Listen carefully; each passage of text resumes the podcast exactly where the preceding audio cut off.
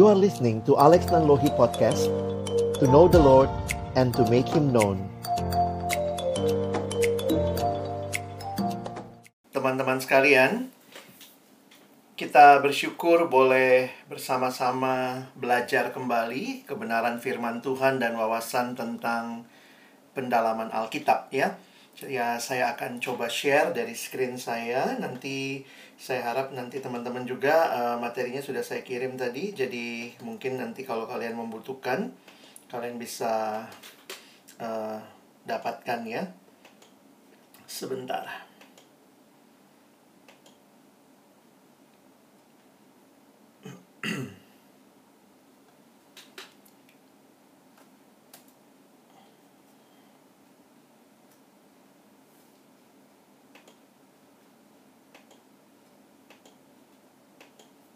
Mari kita berdoa terlebih dahulu sebelum kita membaca merenungkan firman Tuhan. Bapa di dalam surga, kami bersyukur, kami berterima kasih buat kesempatan yang Tuhan berikan kepada kami. Hari ini bersama-sama kami boleh belajar kembali apa yang menjadi kehendak Tuhan secara khusus di tengah-tengah kami belajar menafsirkan akan firman-Mu.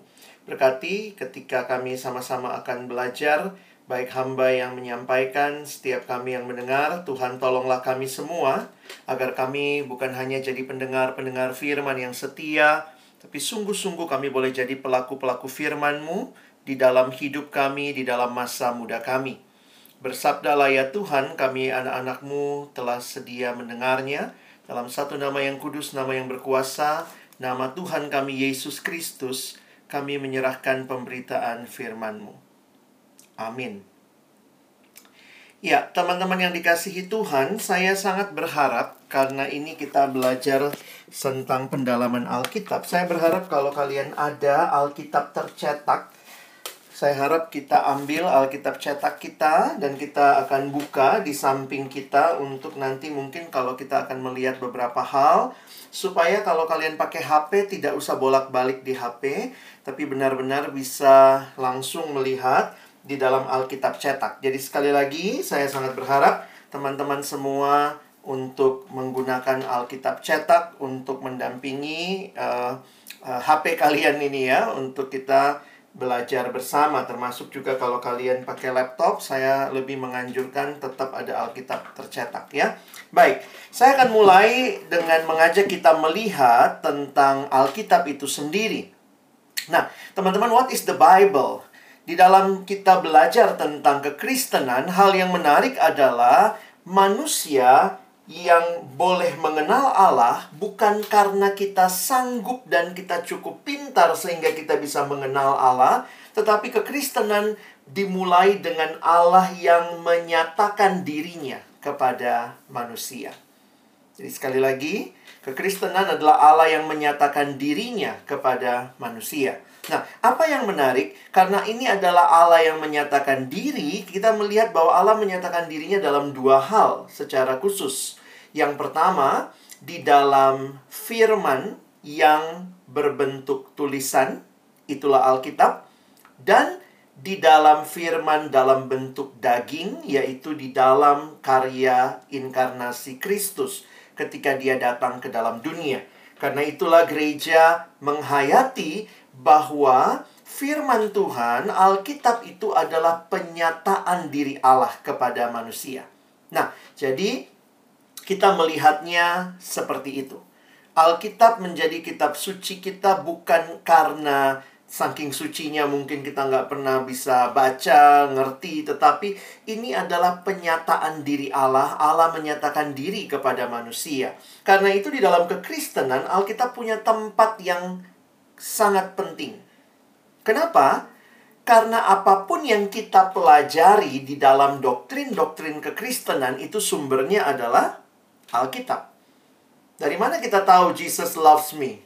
Ya, this I know for the Bible tells me so. Dari mana kita tahu bahwa Yesus pasti akan datang kembali kedua kalinya? Dalam Alkitab karena dia berjanji demikian. Dari mana kita tahu bahwa Tuhan menghendaki kita saling mengasihi, yaitu dalam Alkitab. Karena itu ada yang mengatakan kalau kekristenan diambil Alkitabnya maka kekristenannya runtuh ya karena semua hal yang kita pahami semua hal dibangun di dalam dasar pemahaman Alkitab adalah penyataan diri Allah firman Allah yang menyatakan mengkomunikasikan apa yang menjadi kehendak Allah kepada manusia. Nah, secara singkat, secara ringkas saja, kalau orang ditanya asal mulanya Alkitab itu dari mana? Kadang ada yang mengatakan, kayaknya kitab suci agama lain lebih kudus deh karena turun dari langit begitu ya. Tetapi saya melihat hal yang menarik di dalam kekristenan, di dalam bagian firman Tuhan yang kita lihat di screen. 2 Timotius pasal yang ketiga. 2 Timotius pasal yang ketiga ayat 16 dan 17. Segala tulisan yang diilhamkan Allah memang bermanfaat untuk mengajar, untuk menyatakan kesalahan, untuk memperbaiki kelakuan, dan untuk mendidik orang dalam kebenaran.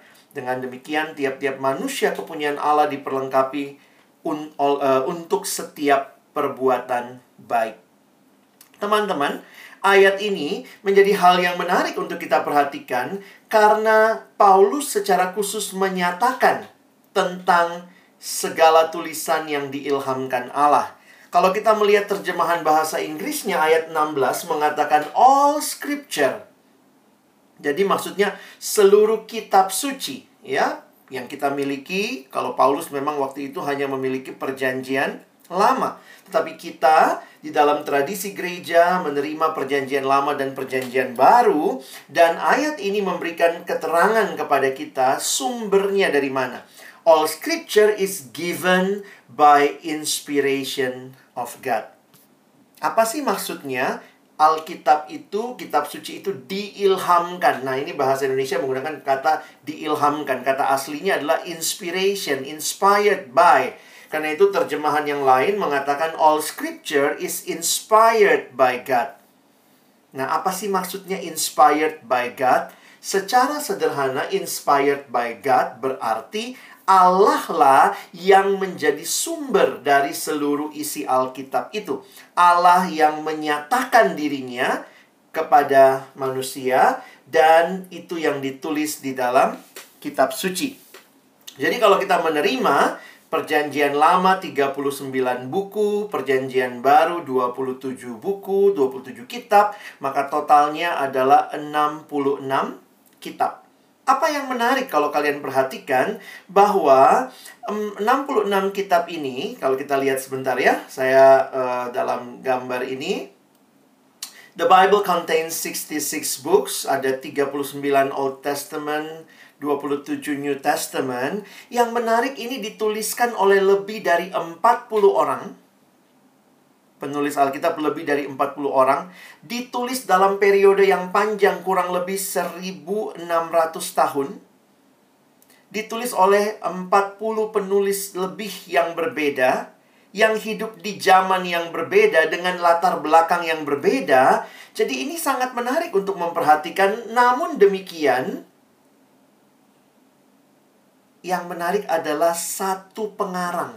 Karena isinya itu luar biasa nyambung begitu ya. Jadi ini kalau kita coba membayangkan ya, ini siapa yang sanggup melakukan itu? Bayangkan Matius misalnya menulis Matius, lalu Musa menulis bagiannya di perjanjian lama. Matius sama Musa nggak pernah rapat redaksi.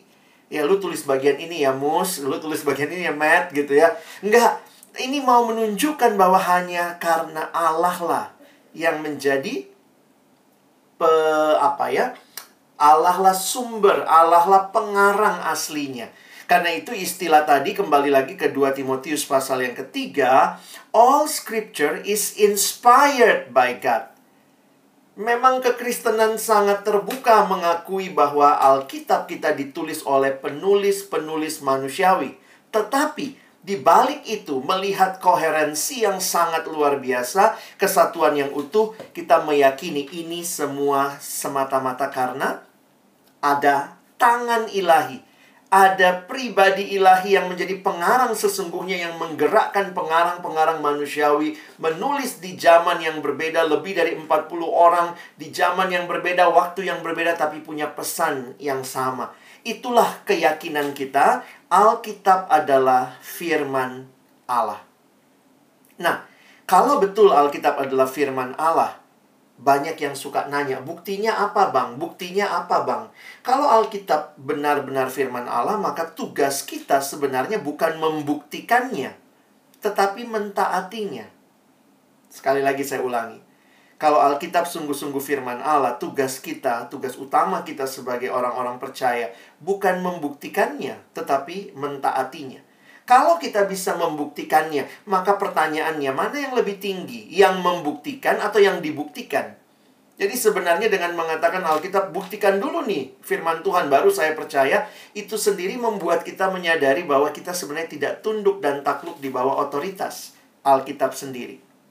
Seorang pembicara menulis dalam makalah bibliologinya dia mengatakan bagaimana membuktikan seekor singa itu asli atau tidak. Bagaimana caranya membuktikan ini singa asli atau tidak? Maka dia menuliskan paling gampang buka kandangnya, masuklah ke kandangnya, kamu masuk ke dalamnya maka kamu akan tahu ini singa asli atau bukan. Nah, kira-kira begitu teman-teman ya. Kalau kamu diterkam ya, oh iya ya ini asli. Sehingga saya mengatakan bahwa tugas kita kalau ada yang mempertanyakan Alkitabnya nggak asli nih, kayaknya banyak terjemahan kok beda-beda. Saya ingin katakan maka kalau engkau mau membuktikannya, bacalah Alkitab. Berikan kesempatan dirimu terekspos dengan Alkitab dan kamu akan tahu ini sungguh-sungguh firman Allah atau tidak. Nah, itu bukan bagian kita hari ini, tapi ini pengantar yang saya pikir harus jelas supaya ketika kita mendekati firman Tuhan pun kita punya sikap yang hormat dan kita tahu bahwa karena ini firmannya Allah, dia Allah yang hidup, Allah yang bekerja sampai hari ini, maka firmannya punya kuasa. Ini bukan cuma perkataan manusiawi belaka. Teman-teman beberapa ayat saya kutip ya. Ini salah satunya, Mazmur 119 ayat 9. Dengan apakah seorang muda mempertahankan kelakuannya bersih? Dengan menjaganya sesuai dengan firmanmu. Luar biasa, orang berpikir gimana ya menjaga kelakuan bersih ya baca renungkan firman Tuhan. Biarlah Alkitabmu terlihat kotor waktu kamu terus membaca merenungkannya karena itulah yang akan membersihkan hidupmu. Dan hati-hati ketika Alkitabmu tampak bersih karena nggak pernah kau buka, maka mungkin itu membuat dirimu dan hidupmu begitu kotor karena menikmati dosa. D.L. Moody mengatakan kutipan ini. The Bible will keep you from sin or sin will keep you from the Bible. Jadi teman-teman karena kita mengetahui bahwa Alkitab ini adalah firman Allah, penyataan Allah, Allah mau menyatakan kehendaknya, memelihara kita. Ada empat kegunaan tadi, bermanfaat untuk mengajar, menyatakan kesalahan, memperbaiki kelakuan, serta mendidik orang dalam kebenaran maka kita mesti memahami bahwa Alkitab diberikan kepada kita bagi transformasi hidup kita. The Bible was not given for our information, but for our transformation. Teman-teman, Alkitab tidak diberikan supaya kita bisa jawab kuis Alkitab. Mungkin kamu cerdas cermat Alkitab juara satu. Tapi bukan itu tujuan Alkitab diberikan supaya kamu tahu Yesus lahir di mana, dia punya murid berapa, siapa aja nama muridnya. Tetapi bagi transformasi hidup kita. Ini penting waktu kita akan belajar PA. Jangan lupa sering kali tanpa kita sadari fokus kita belajar PA cuma mau mengisi informasi. Lama-lama kalau cuma sekadar itu teman-teman kita jadi seperti orang Farisi. Tahu sih tahu kebenaran tapi kita tidak membiarkan diri kita mengalami kebenaran itu dan mentransformasi hidup kita. Karena itu tujuan akhir. Perhatikan tujuan akhir dari penggalian Alkitab bukanlah saya makin tahu tapi saya makin serupa dengan Kristus karena firman-Nya yang mengubahkan hidupku. Ini dalam terjemahan Indonesia, membaca Alkitab tidak dimaksudkan untuk sekadar menambah pengetahuan, tetapi untuk mengubah kehidupan. Saya kutip kalimat dari John Stott, dia mengatakan demikian dalam bahasa Inggris. Kita harus mengizinkan firman Tuhan itu mengkonfrontasi hidup kita mengganggu atau mengusik keamanan kita memberikan uh, apa ya me, me, me, apa ya me, mengusik uh, apa kenyamanan kita dan membuang pikiran ataupun sebuah uh, perilaku yang salah. Jadi ketika engkau membaca Alkitab, bagi saya jadi menarik begini ya. Seringkali kita pikir Alkitab itu objek untuk kita teliti. Makanya kita PA. Wah kita lihat nih Alkitab, kita teliti dia. Ini apa sih kalimatnya? Tetapi pada saat yang sama, ingat itu firman Allah yang hidup. Maka bukan hanya engkau membacanya, tetapi izinkanlah firman itu membaca hidupmu. Saya ulangi. Alkitab bukan objek yang sekedar kita baca, kita teliti. Tapi waktu engkau dan saya membacanya, dia adalah firman dari Allah yang hidup. Dia subjek. Dan kiranya kita membaca firman, izinkanlah Tuhan pun melalui firmannya membaca hidup kita. Nah ini proses yang penting ya. Bukan cuma baca Alkitab, tapi izinkan Alkitab membaca hidup kita. Bukan cuma tahu Alkitab, tapi izinkanlah Alkitab memahami, mengetahui, membedah hidup kita. Dan saya pikir itu tugas dari setiap kita sebagai anak Tuhan. Oke, sampai di sini saya ingin mengajak kita masuk ke bagian yang kedua. Kalau Alkitab adalah firman Allah, kalau Alkitab adalah yang harusnya mengubah hidup kita, mentransformasi hidup kita, lalu bagaimana caranya saya bisa memahami Alkitab? Nah, salah satu pertanyaan yang paling dasar adalah kenapa Alkitab harus ditafsir? Jadi saya masuk ke bagian berikutnya ya. Jadi ini kita bicara Alkitab dan penafsiran. Nah, saya kasih dulu, jadi uh, abang nggak langsung masuk ke teknisnya ber-PA itu bagaimana, tetapi saya kasih filosofinya supaya dari sini kalian coba tarik bagaimana memahaminya ya. Jadi pertanyaan yang tadi saya katakan, orang selalu bertanya mengapa harus menafsir. Ada yang bilang begini, ya kalau Alkitab itu firman Tuhan, ya kenapa harus ditafsir? Ya cukup dibaca aja. Ya udah baca aja gitu, kenapa mesti tafsir-tafsir gitu ya. Nah, tetapi ada hal yang menarik dalam hidup kita, sadar atau tidak. Teman-teman, kepala boleh sama hitam, tetapi isinya beda begitu ya. Itu menunjukkan bahwa setiap orang pada saat yang sama sadar atau tidak.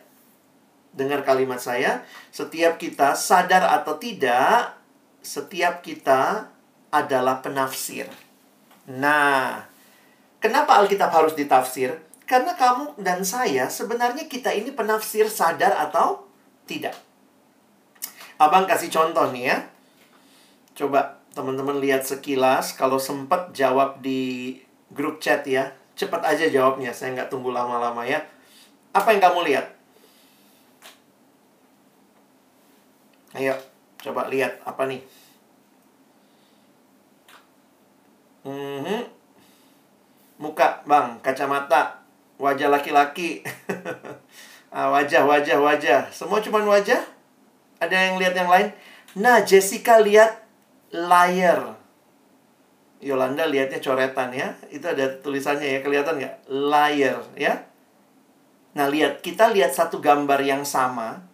Bisa beda-beda. Iya ya, ada layar ya. Dan ini memang gambar dua dimensi apa gambar dua pemahaman gitu ya. Nah, coba nih lihat secara uh, kasat mata kalau lihat sekilas gitu ya. Yang mana yang paling tinggi dari tiga prajurit ini? sama, ya benar sama sih ya. Kan ini gambar perspektif ya.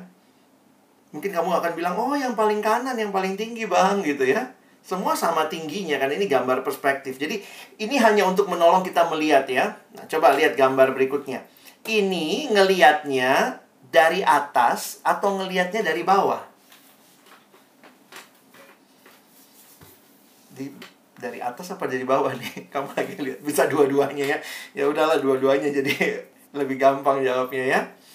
Nah, ini ini kan berarti jadi kalau kita berantemin sesuatu begitu ya, padahal kita ini memang adalah penafsir pada saat yang sama ya. Coba Abang kasih gambar berikut nih, teman-teman lihat ya. Ini apa? Ayo, ini apa? Wah. Rata-rata lihatnya lift ya. Kalau kita lihat fokus sama yang hitam, apaan? Oh, ada bilangnya lihatnya balok begitu ya. Kalau kita fokus sama yang hitam kelihatannya kayak balok. Ada yang bilang waktu itu sama saya puzzle. Tapi kalau kamu fokus sama yang putih, benar ada tulisan L I FT. Nggak dapat apa-apa. ya Bang Tunggul nggak dapat apa-apa ya. Bingung dia. Mesti lihat ini Tunggul, lihat yang putihnya tuh kelihatan liftnya. Jadi ya ini ini masalah perspektif lagi ya. Nah ini ya udah lebih gampang lah ya. Ada yang bilang ini wajah perempuan, tapi pada saat yang sama ada pria lagi main trompet, misalnya gitu. Nah, contoh lagi nih. Ini apa? Vas bunga, oke. Okay. Oh, dua orang wajah lagi hadapan, bisa juga. Nah, ini yang paling umum, yang paling sering sih ya, biasanya orang ditanya ya. Teman-teman lihatnya apa? Perempuan yang tua atau yang muda? Rini langsung lihatnya muda ya.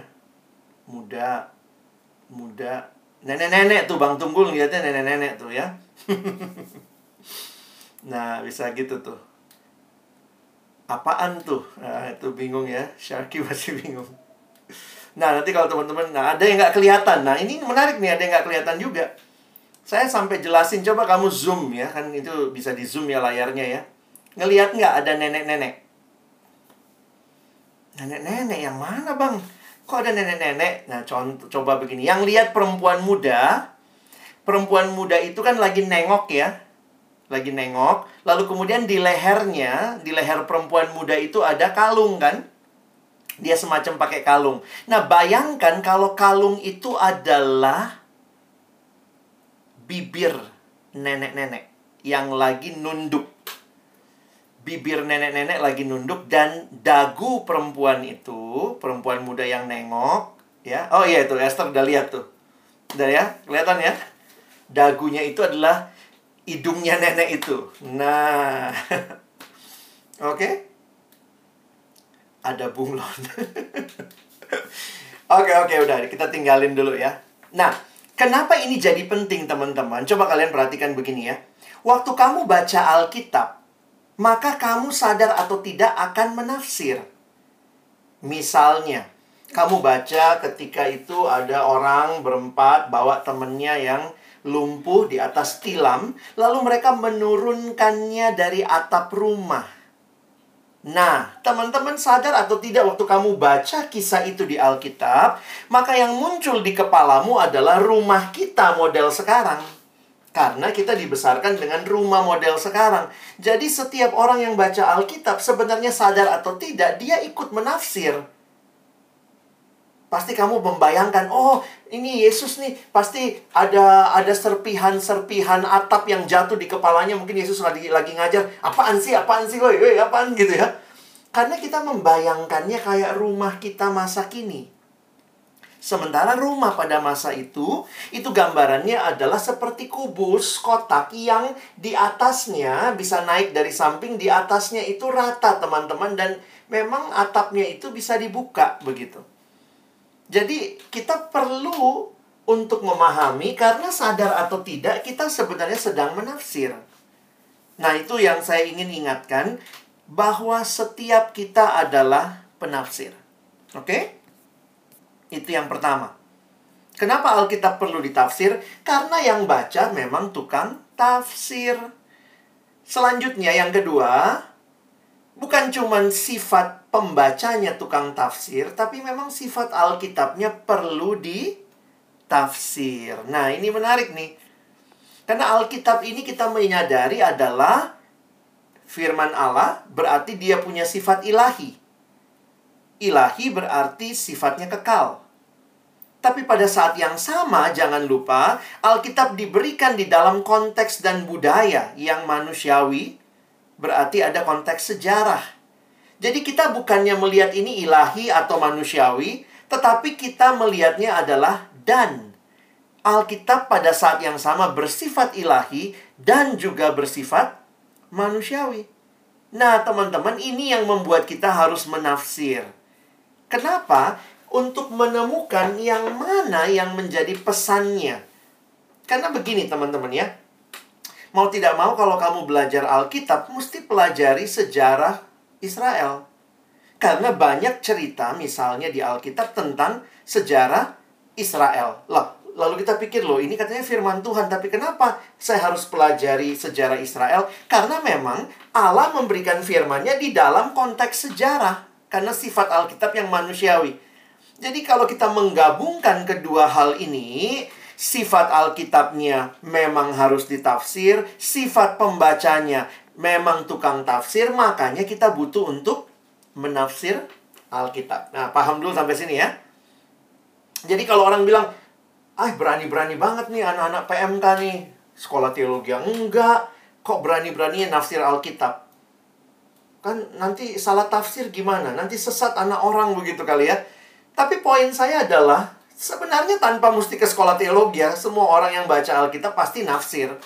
Karena itu bagi saya begini, kebutuhan dasar jemaat, kalau kamu takut salah tafsir, maka solusinya bukan tidak menafsir.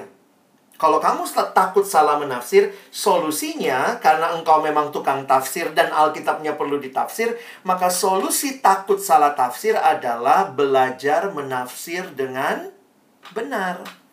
Saya pikir itu lebih lebih lebih baik solusinya.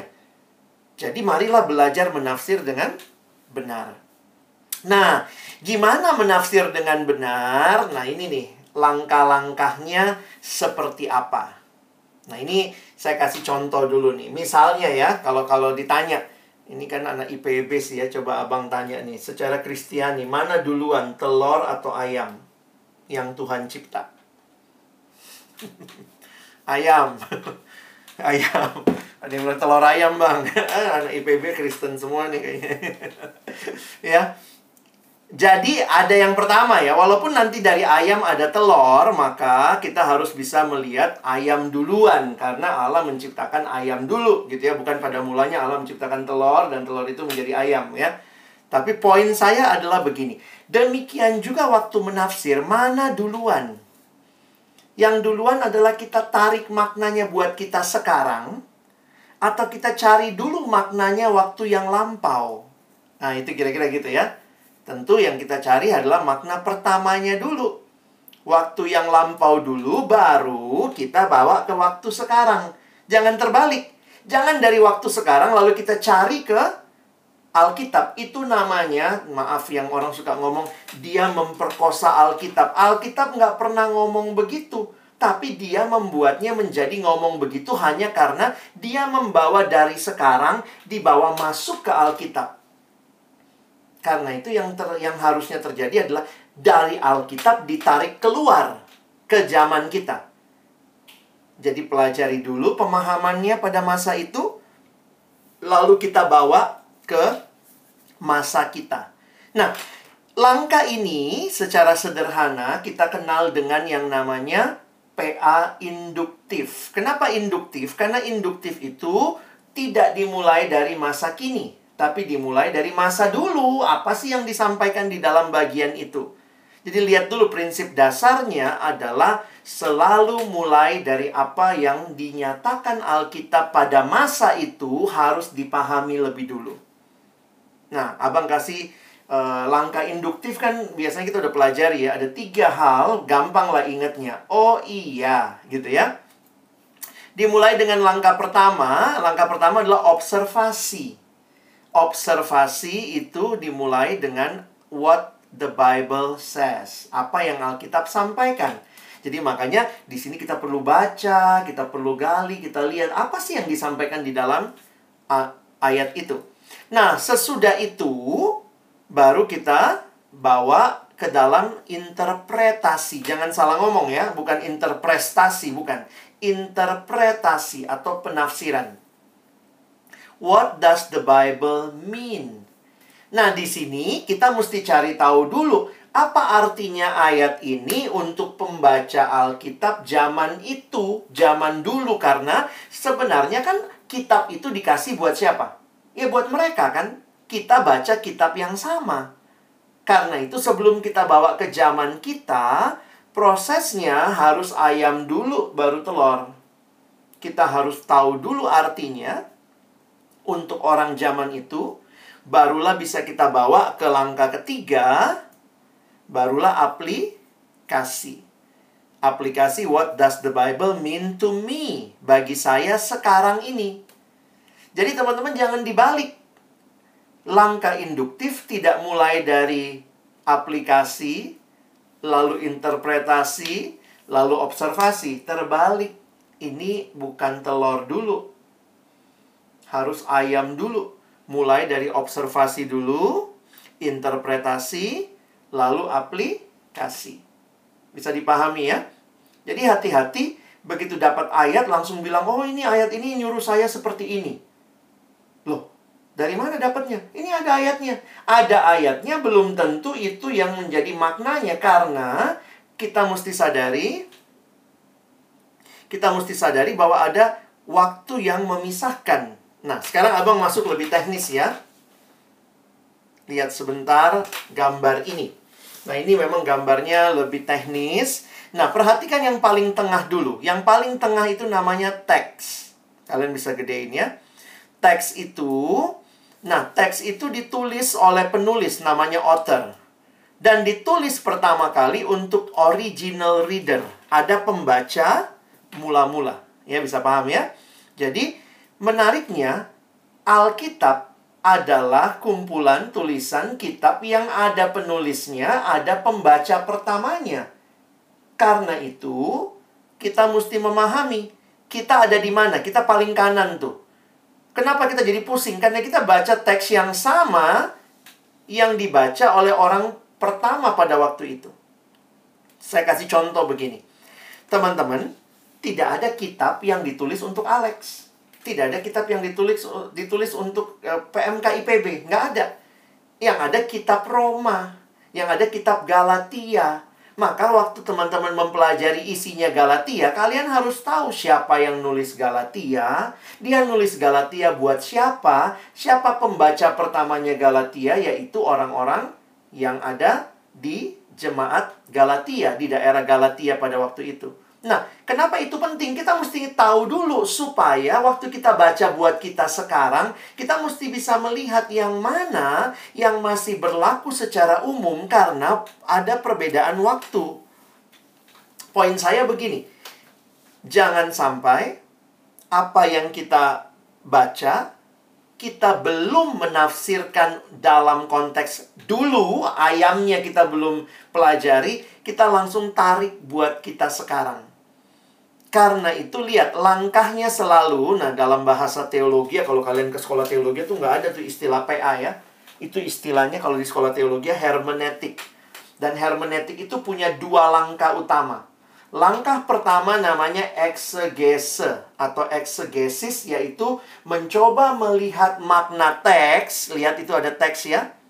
Lalu yang saya buat warna abu-abu, teks itu selalu bersama dengan konteks.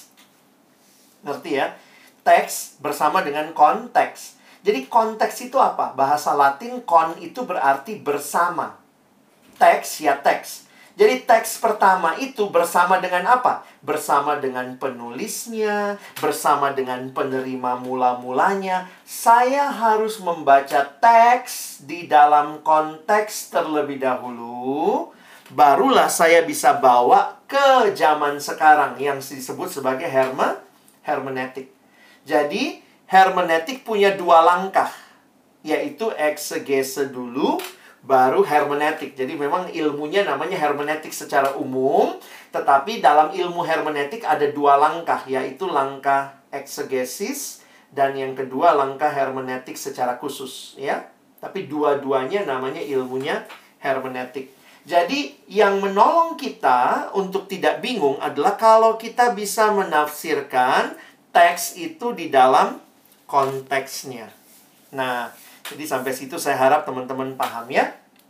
Jadi, selalu langkahnya baca teks dalam konteks pertama dulu. Sesudah kita dapat pemahamannya, barulah prinsipnya kita bawa ke masa sekarang.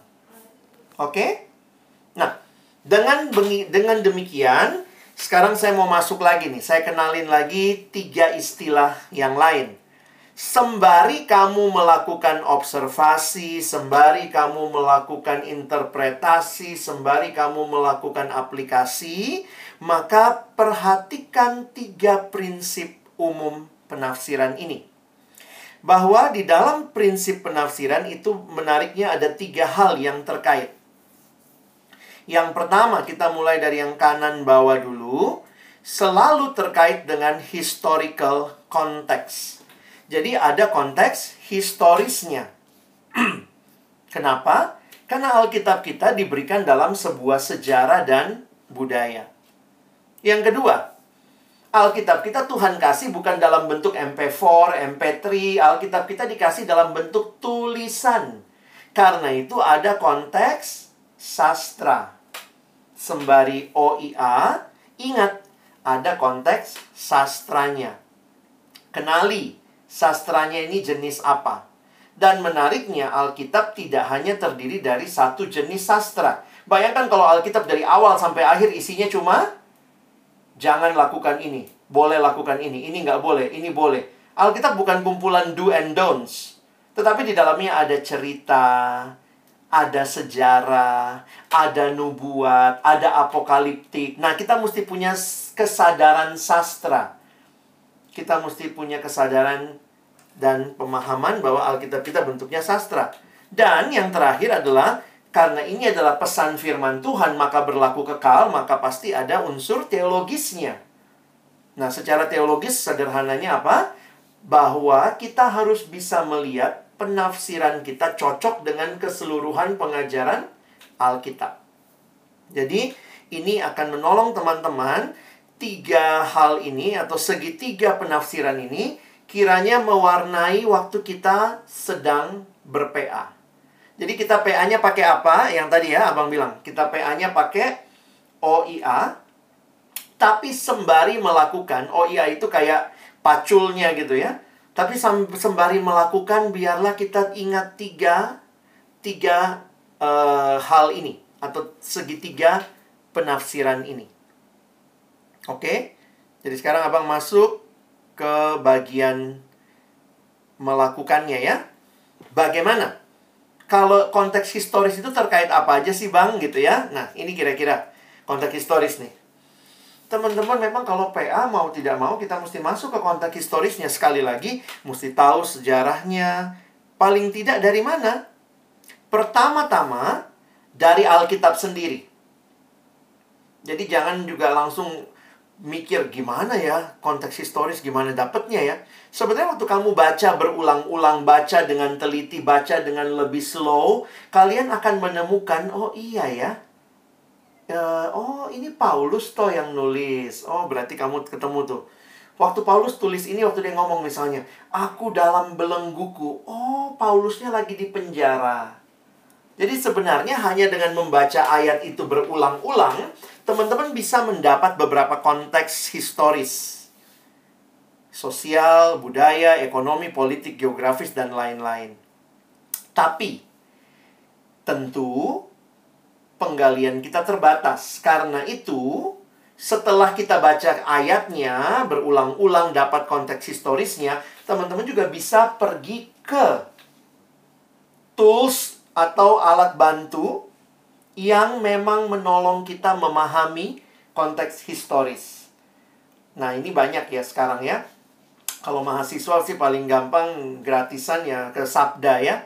Pergi ke sabdaweb.com gitu ya atau .org kalau saya nggak salah. Maka di Sabda itu kita bisa jadi tahu, oh latar belakang kitab ini gimana. Latar belakang waktu dituliskan seperti ini bagaimana. Nah, cuma saya juga mau ingatkan, Teman-teman jangan lupa, kenapa tadi abang ingatkan, coba pakai Alkitab cetak. Saya melihat Alkitab cetak keluaran LAI paling tidak di belakang ada kamus Alkitab.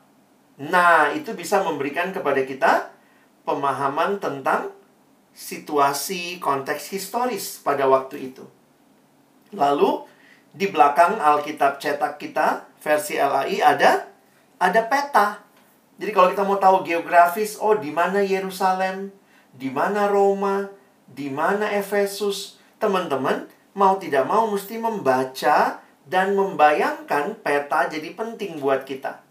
Jadi sebenarnya hanya dengan Alkitab cetak versi Indonesia yang punya kamus, yang punya juga peta, itu sudah menolong teman-teman loh untuk berPA. Jadi saya saya pikir jangan jangan langsung mikir susah aduh PA tuh susah banget gimana? Ah, saya mesti punya tafsiran ini saya mesti punya study Bible ini. Nah syukurnya sekarang banyak materi-materi study Bible online. Kalian bisa akses di mana-mana tapi saya ingin mengatakan dengan sederhana jangan membuat PA tuh jadi rumit kadang-kadang baru mau PA udah aduh udah males bang kayak susah banget loh kamu belum coba udah bilang susah ingat kita harus menafsir. Kita harus pelajari konteksnya untuk makin mengerti. Nah, contoh misalnya ya. Uh, nah, ini abang kasih contoh-contoh aja ya. Coba lihat ini konteks geografis. Nah, sebenarnya saya mau kasih contohnya begini aja. Nanti kalian lihat ya. Di Wahyu pasal 2 sampai Wahyu pasal 3, ada surat yang ditulis kepada jemaat. Nah, contoh ya ini ya. Nah, kalau kalian lihat itu jemaat Efesus, Mirna, Pergamus, Tiatira, Sardis, Philadelphia, itu semua sebenarnya membentuk semacam lingkaran, itu circular letters gitu ya. Ya, teman-teman bisa memahami itu. Nah, ini contoh aja. Nih, dari peta Alkitab kita kan, dunia perjanjian baru. Teman-teman bisa pahami, uh, coba kita baca Kisah Rasul 1 ayat 8. Kisah Rasul 1 ayat 8. Tolong dong satu orang nyalain mic bisa bacain ayatnya buat kita. Siapa yang duluan silakan.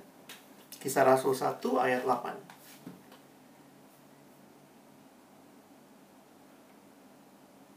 Jangan malu, langsung aja.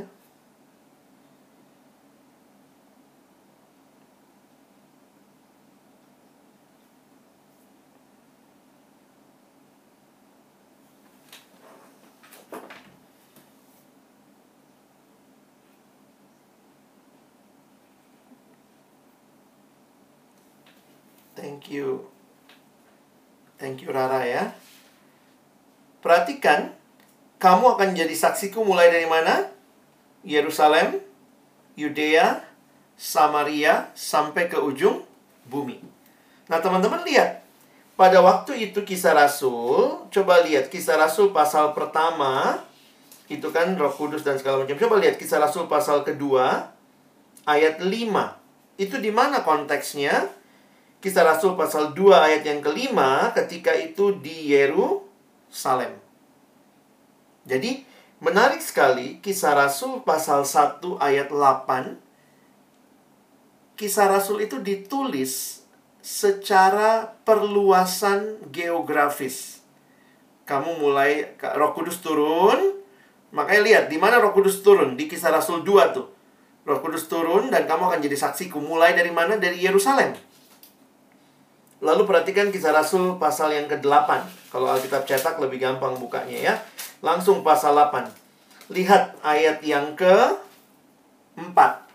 Di mana? Samaria. Jadi Yerusalem ada di provinsi Yudea. Di atasnya provinsi Yudea ada provinsi Samaria. Nah, ini ditulis nih di dalam pasal yang ke-8 kisah Rasul. Nanti kalau kalian baca lagi, akhir kisah Rasul, lihat kisah Rasul 28. Kisah Rasul 28, lihat perikop terakhir, judulnya Paulus memberitakan kerajaan Allah di Roma. Nah, Roma itu di mana? Teman-teman lihat peta yang ada di screen. Sekarang kalian zoom, cari Roma yang mana. Itu yang kayak sepatu bola itu ya. Roma paling kiri atas. Jangan lupa, ini dunia perjanjian baru pada waktu itu. Petanya memang segini.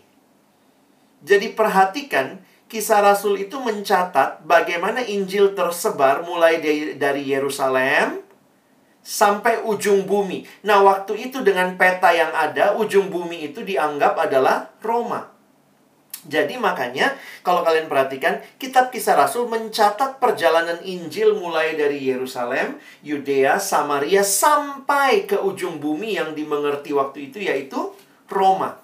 Lihat lagi petanya, paling kanan bawah Yerusalem paling ya kanan bawah Yerusalem paling kiri atas itu Roma.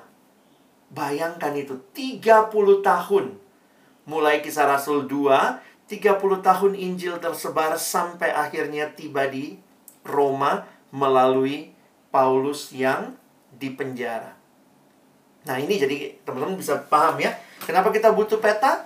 Ya biar bisa tahu di mana Yerusalem, ya Yudea, kita butuh konteks seperti itu. Dari mana dapatnya sekali lagi? Konteks historis dapat pertama dari baca Alkitabnya.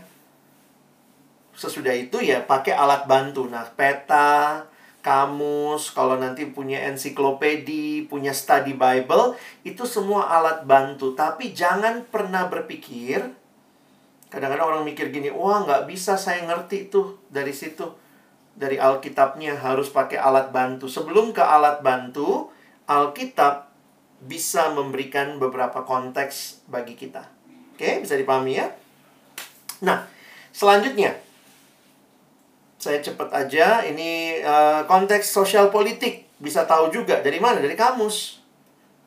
Coba lihat ya di kamus Alkitab misalnya teman-teman bisa tahu tentang pemungut cukai. Siapa sih pemungut cukai? Maka kalian bisa pelajari mereka adalah petugas-petugas yang diserahi pemungutan pajak uh, oleh pemerintah penjajah Roma. Jadi kalau kita bisa paham pada waktu itu ternyata konteksnya seperti itu ya, ada penjajah Roma, lalu kemudian ada orang Yahudi. Nah, untuk berhubungan dengan orang Yahudi dia pakai uh, para pemungut cukai itu, ya. Sorry sebentar, sharing saya screennya mati nih.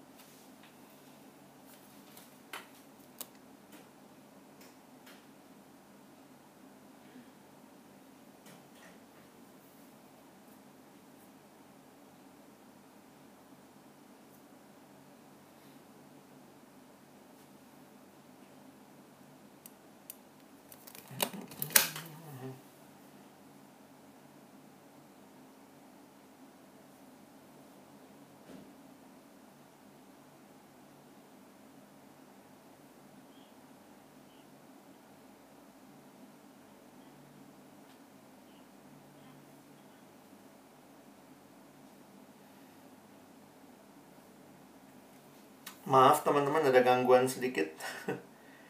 Sekarang udah bisa dengar suara saya? Apakah terdengar? Oke, okay, thank you. Baik, um, jadi itu untuk konteks um, sastra ya, eh sorry sastra lagi, konteks um, historis. Saya present lagi ya, sebentar.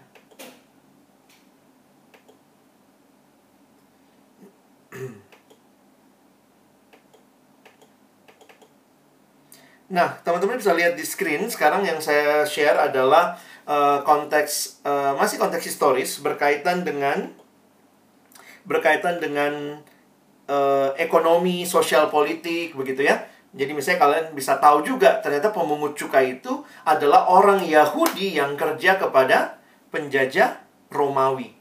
Jadi itu menolong kita juga memahami kenapa mereka sangat dibenci. Ya gitu karena mereka kerjanya kepada kaum penjajah ya.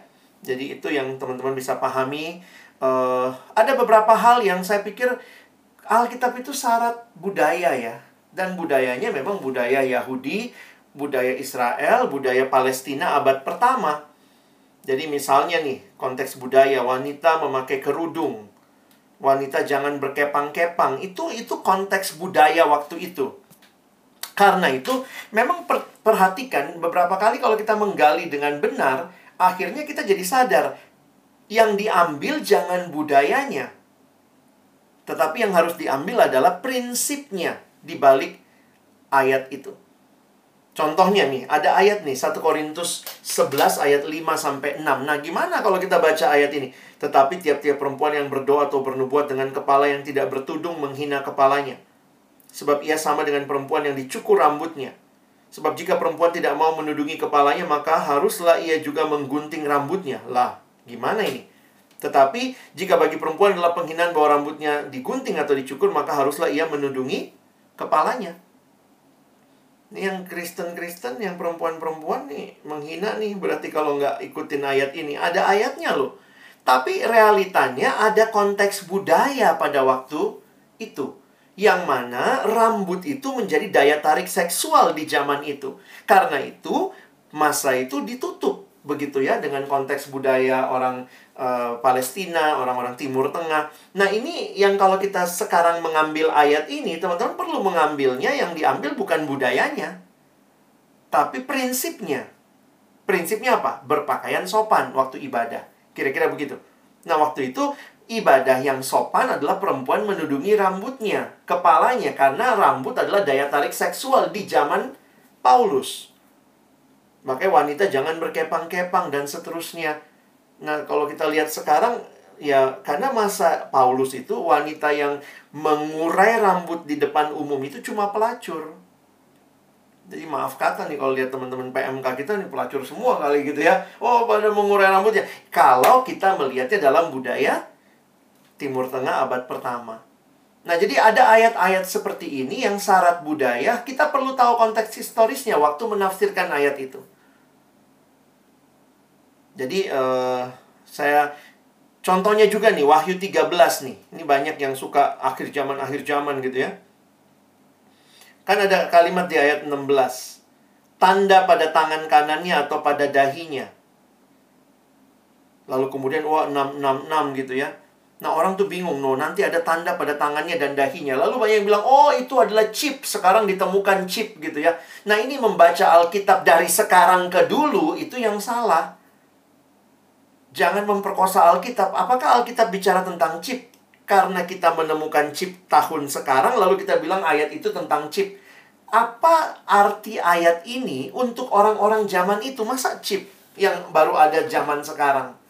Jadi ini cara cara membaca yang terbalik ayam telur ini. Telur ayam dulu gitu ya.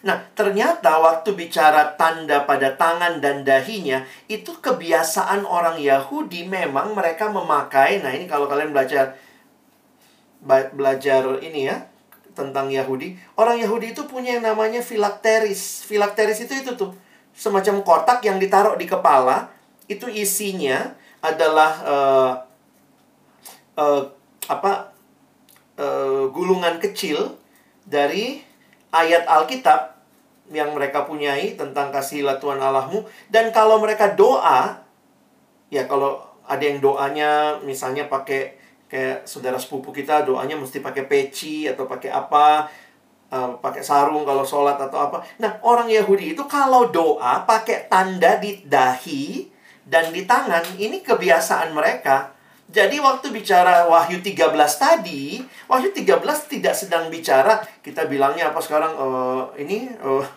chips dan segala macam. Ini cara membaca Alkitab yang nggak tepat karena kita nggak ngerti konteks budaya. Ini orang Yahudi nih, ini filakterisnya. Nanti kalian bisa cari. Itu soldiernya aja pakai begitu. Kalau mereka doa, baca ini, mereka akan pakai filakteris di tangan dan di dahi. Nah, jadi bisa paham ya? Saya lanjut dulu sebelum kita istirahat. Selanjutnya, jangan lupa Alkitab bentuknya tertulis. Jadi ada yang namanya konteks sastra. Apa yang perlu kita pahami waktu bicara konteks sastra? Teman-teman mesti memahami bahwa Alkitab diberikan dalam bahasa asli, bahasa perjanjian lama yaitu Ibrani dan sebagian ada sedikit bahasa Aram Perjanjian Baru berbahasa Yunani. Dan karena itu, kita pun harus memahami yang kita miliki dalam bahasa kita itu namanya terjemahan. Orang bilang, wih, udah nggak asli Alkitabnya diterjemahin. Saya malah berpikir Alkitab kita bisa diuji kok. Karena bicara terjemahan, terjemahan yang banyak itu, itu bukan berubah artinya tetapi memberikan akses lebih lebih banyak kepada orang-orang dalam berbagai bahasa. Karena itu waktu kita menafsir, perhatikan di konteks sastra ya. Kenali teks sebelum menafsir. Ada berbagai jenis terjemahan Alkitab. Ada terjemahan yang tidak akurat karena tujuannya memang tidak akurat bukan isinya ya. Um, nanti saya coba jelaskan deh ya. Dan mesti diingat juga ayat-ayat yang kita miliki pembagian ayat, pembagian pasal itu itu semua baru ada abad 16. Ya. Baru ada abad 16. Nah, yang masalah nomor dua itu terjemahan Alkitab yang ada tidak selalu akurat. Bukan berarti salah. Ini masalah keakurasian, nanti saya kasih penjelasan. Nah, sekarang perhatikan dulu variasi terjemahan Alkitab. Jadi kalau kalian menafsir Alkitab, kalian perlu memahami nih ya. Variasi terjemahan Alkitab di sisi yang satu, ada yang disebut dengan terjemahan literal atau literal translation.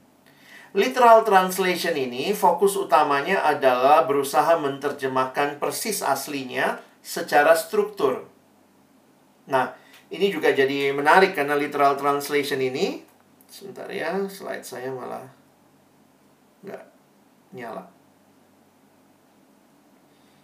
literal translation ini uh, memberikan kepada kita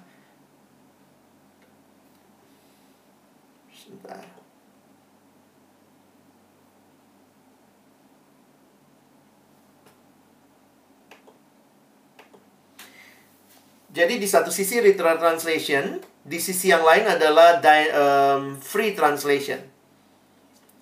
Perbedaannya apa? Teman-teman bisa perhatikan di screen. Yang paling kanan itu mengutamakan bisa dipahami, bisa dimengerti. Makanya disebut sebagai free translation. Yang paling kiri mengutamakan bentuk dan struktur. Karena itu disebut literal translation. Dan yang di tengah-tengah itu menamakan dirinya dynamic equivalent translation. Nah, terjemahan Indonesia atau TB kita sebenarnya ada di dynamic. Saya kasih contoh begini. Bahasa Yunani itu, bahasa Yunani ini kalau secara bahasa ya, bahasa Yunani itu uh, tidak mengenal penempatan subjek, predikat, objek seperti yang kita pahami. Kalau bahasa Indonesia itu kan kita tahu, saya makan nasi. Jadi dari kata itu saya makan nasi memang ada SPOK-nya. Subjek, predikat, objek. Nah, bahasa Yunani itu bahasa bentukan. Jadi misalnya dia bisa begini ya, um, tidak masalah di mana letaknya, tetapi karena bentukannya orang langsung tahu oh ini subjek, oh ini objek. Jadi misalnya kalian pernah dengar kata logos kan? Nah, kalau di, disebut logos, ternyata bisa jadi kata bentukannya bisa logu, bisa logos, logu, logon, logomai. Jadi dari kata logo, logos itu bentukan-bentukannya itu atau ditambah belakangnya itu yang namanya kata bentukannya dari situ ketahuan ini subjek predikat atau objek. Jadi tidak masalah dalam bahasa Yunani objek ditaruh di depan karena kata bentukannya akan membuat orang sadar ini objek. Nah jadi contohnya misalnya gini.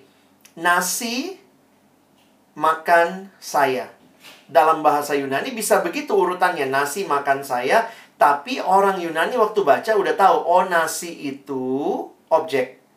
Nah, begitu diterjemahkan, yang literal bilang begini, kita tetap mesti menerjemahkan strukturnya. Jadi akhirnya, misalnya King James Version menerjemahkan ini, saya kasih contoh aja ya. Uh, uh, nasi dimakan oleh saya. Nah itu kan nggak enak didengar ya tapi dia mengutamakan struktur literal aslinya. Sementara yang free translation mengatakan ngapain strukturnya kalau orang baca nggak ngerti. Maka free translation mengutamakan artinya, meaningnya. Nah, yang tengah-tengah bilang oke okay deh, sedapat mungkin kita pertahankan strukturnya, tetapi kita pun mengutamakan orang bisa memahaminya. Makanya yang tengah menamakan dirinya dynamic. Ya, kira-kira begitu. Makanya jangan heran kalau kalian baca King James, orang Inggris aja bingung baca King James gitu ya. Karena itu bukan terjemahan yang enak untuk dibaca karena mempertahankan struktur aslinya. Nah, jadi itu kira-kira begitu ya. Nah, sekarang Abang kasih contoh lagi soal terjemahan. Terjemahan tidak selalu akurat. Perhatikan, di dalam bahasa Inggris itu lebih tepat dari bahasa Indonesia kita karena kalimatnya di ayat 1 Yohanes 3 ayat 9, setiap orang yang lahir dari Allah tidak berbuat dosa lagi. Wih.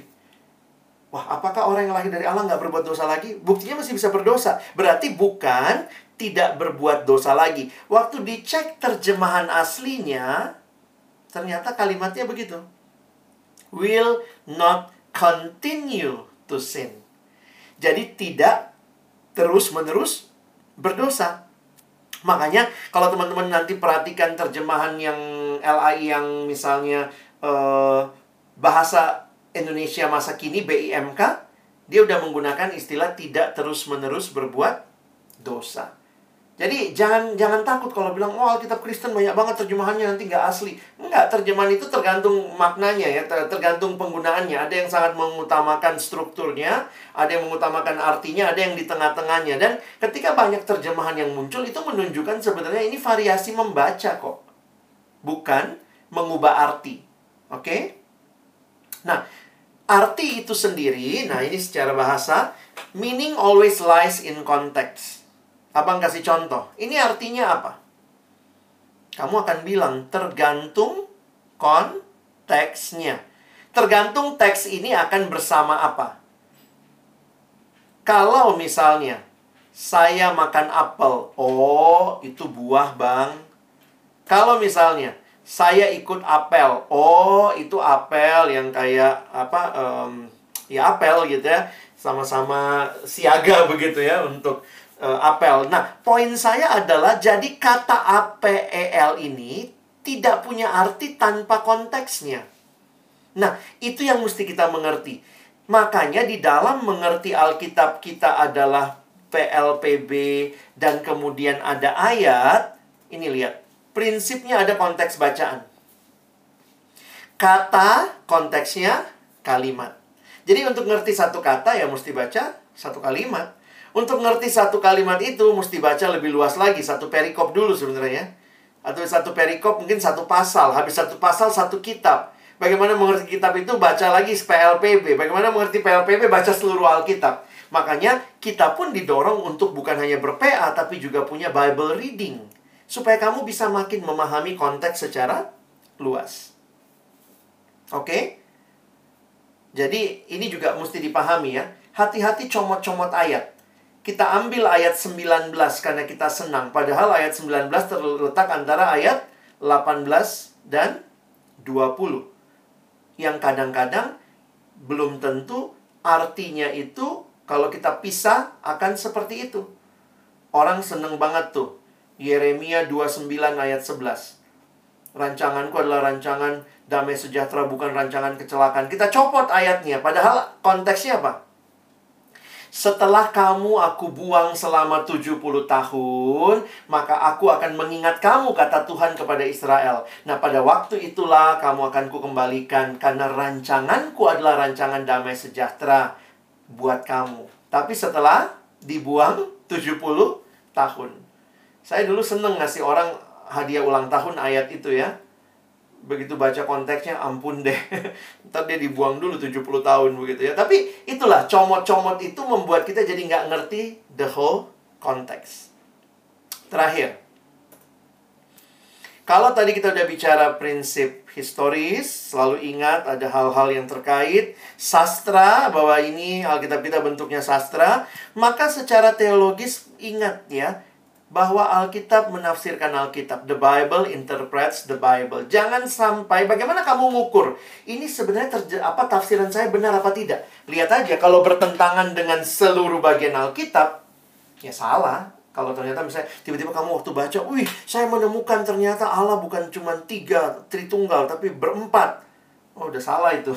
Karena dengan seluruh keseluruhan ayat, teologi Kristen tidak sejalan. Nah, bisa membedakan, kita perlu bisa membedakan mana prinsip yang berlaku umum, mana yang berlaku historis. Jadi ingat, mana yang adalah ini kalau bicara gini ya. Ada permen-permen sekarang dari zaman abang kecil udah ada permen itu. Tapi yang diganti bukan permennya, dalamnya sama, yang diganti bungkusnya. Jadi bungkusnya lebih kekinian gitu ya. Nah, teman-teman hati-hati waktu menafsir Alkitab sebenarnya tugas kita adalah mencari apa makna primernya. Dan bisa memahami yang mana yang budaya. Jadi jangan sampai bungkusnya yang kita ambil. Harus permennya. Contoh tadi ya. Ternyata yang penting adalah ibadah dengan busana yang sopan soal tutup kerudung kepala itu adalah budaya pada masa Paulus. Jadi kita mesti bedakan nih, yang mana budaya, yang mana uh, yang primer, yang mana yang sekunder. Bisa dipahami ya? Nah, saya tutup dengan ini. Nah, ini gimana cara ngertinya? Kalian pahami dulu deh. Dengar penjelasan abang lah. Yang jangan lihat ininya dulu lah. Nanti pusing. Kalau jadi setelah kita menggali Alkitab, kalau situasinya sebanding, situasinya sebanding, maksudnya begini. Dulu zaman Paulus dengan zaman kita sama kok situasinya sebanding, maka yang berlaku adalah teksnya. Kalau suasananya sebanding, yang berlaku teksnya. Tapi kalau suasananya tidak sama, tidak sebanding, zaman Paulus budayanya rambut adalah daya tarik seksual. Buat kita sekarang daya tarik seksual itu maaf kalau untuk perempuan adalah dada, paha. Makanya kan sekarang e, cara orang mengumbar adalah dengan memperlihatkan bagian-bagian tertentu. Itu budayanya berubah tuh. Konteksnya tidak sama. Situasinya tidak sebanding. Maka yang berlaku bukan teksnya, tapi prinsip teks. Bisa pahami? Nah, ini penjelasan sederhananya nih. Kalau situasinya sebanding dari dulu mengasihi zaman Paulus, zaman Musa sampai zaman kita mengasihi itu sama, orang tua itu sama, keluarga itu sama, maka yang berlaku teksnya. Kalau situasi yang tidak sebanding, kita bilang bukan teksnya yang berlaku. Karena kalau kamu berlakukan teks, jangan-jangan kita pakai kerudung semua nih yang perempuan. Itu kalau kamu mau bilang teksnya. Kenapa? Ayatnya ada, teksnya ada. Tapi kita tidak ambil teks itu, kita ambil prinsip teksnya, yaitu berbusana dengan rapi. Nah, sebenarnya saya juga harus mengakui bahwa selama, selama ini waktu kita menafsir Alkitab sampai hari ini gereja-gereja biasanya masih berantem antara yang mana yang teks, yang mana yang prinsip teks. Gereja tertentu mengatakan tidak makan darah itu prinsip teks. Ada yang bilang nggak bisa, ada teksnya. Jangan makan darah karena ada nyawa di dalamnya. Ada ayatnya.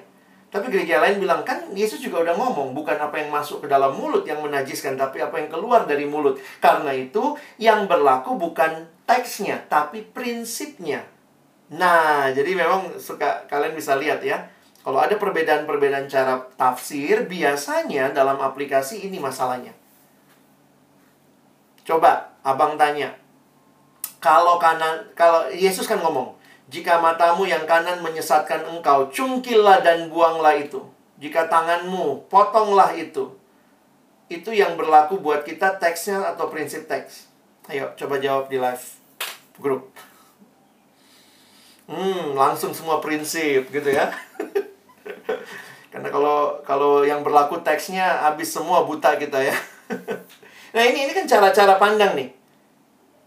Ayatnya bilang cungkil dan buanglah. Tapi kita nggak taati ayatnya karena situasinya nggak sebanding. Dan juga nampaknya Yesus tidak bicara sebagai satu uh, realita, tapi sebuah gambaran figuratif. Nah ini ini masalah sastra lagi sedikit tadi saya lupa tentang sastra, teman-teman mesti melihat ini ya. Mesti melihat yang namanya kalian mesti paham yang namanya genre. Genre itu bukan cuma di musik ya. Genre tulisannya, tapi bahasanya di cara bacanya genre. Di dalam sastra ada genre-nya.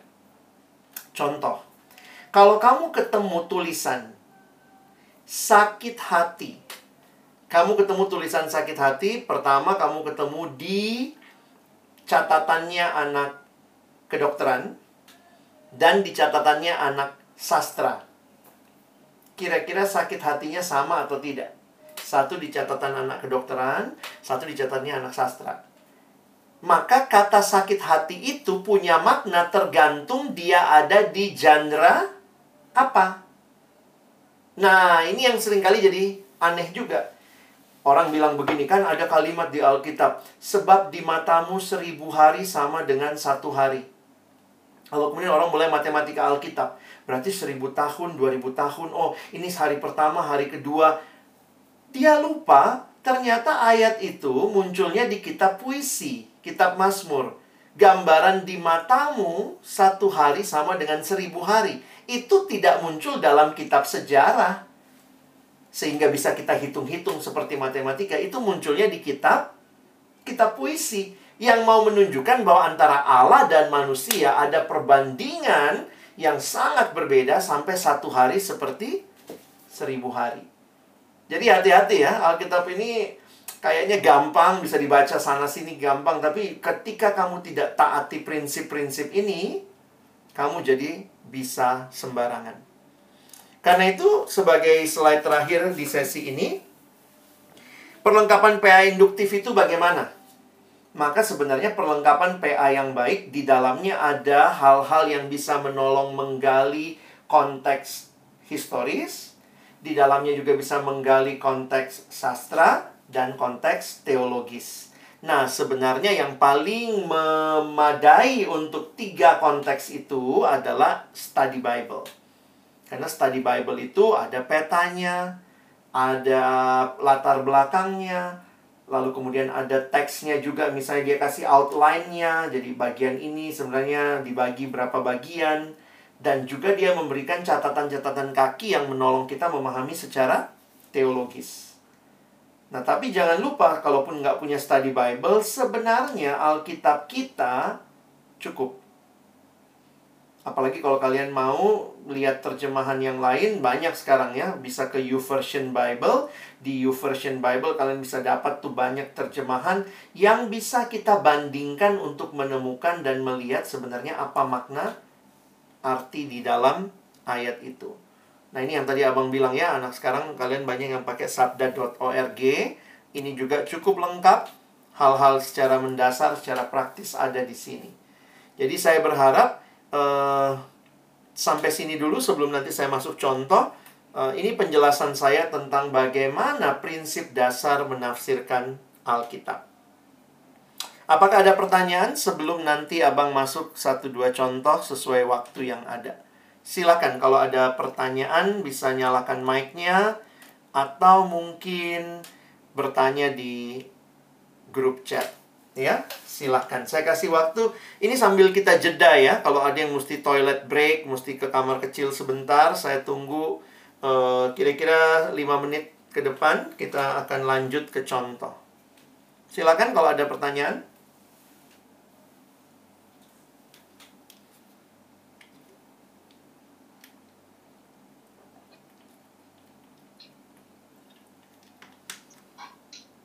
Uh, selamat sore, Bang Alex. Sore, Stephen, eh, Stefan ya.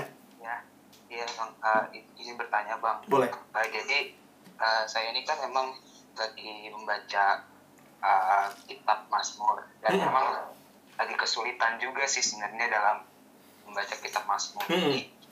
Hanya sih uh, untuk prinsip dalam membaca kitab Mazmur itu perlu mengerti apa aja Bang. Oke, okay. thank you Stefan. Nah, memang sih teman-teman ya. Ini yang saya bagikan prinsip dasar. Tapi yang Stefan tanyakan jadi menarik. Kalau saya ketemu Mazmur, apa yang harus saya lakukan dulu? Nah, biasanya sih saya punya training-training lanjutan ya. Jadi, sebenarnya training lanjutan itu sebenarnya masuk kepada setiap jenis genre. Ada sekitar 7 sampai 10 genre dalam Alkitab. Salah satunya Mazmur. Nah, Mazmur itu bentuknya puisi. Nah, puisi di dalam beberapa bagian juga itu muncul misalnya di dalam bentuk-bentuk nubuat ada puisi juga di dalamnya. Di dalam Mazmur udah pasti, di dalam Amsal, Amsal juga bentuknya agak puitis walaupun bentuknya spesial karena dia peribahasa gitu ya. Nah, um, gimana ini mau masuk ke Mazmur aja atau tapi um, gini saya mengusulkan teman-teman banyak membuka bibleproject.com. Sudah ada dalam bahasa Indonesia juga Bible Project, satu proyek yang sangat luar biasa bagus dan menurut saya itu menolong juga mendekati kitab per kitab. Jadi kalau kamu misalnya mendekati uh, Mazmur, apa yang dilakukan? Kalau kamu mendekati cerita, perumpamaan, sejarah, apa yang dilakukan? Nah, um, secara sederhana saya kasih prinsipnya dulu nih. Apa pun jenisnya sebaiknya mendekatinya dari mikro eh, makro lalu ke mikro.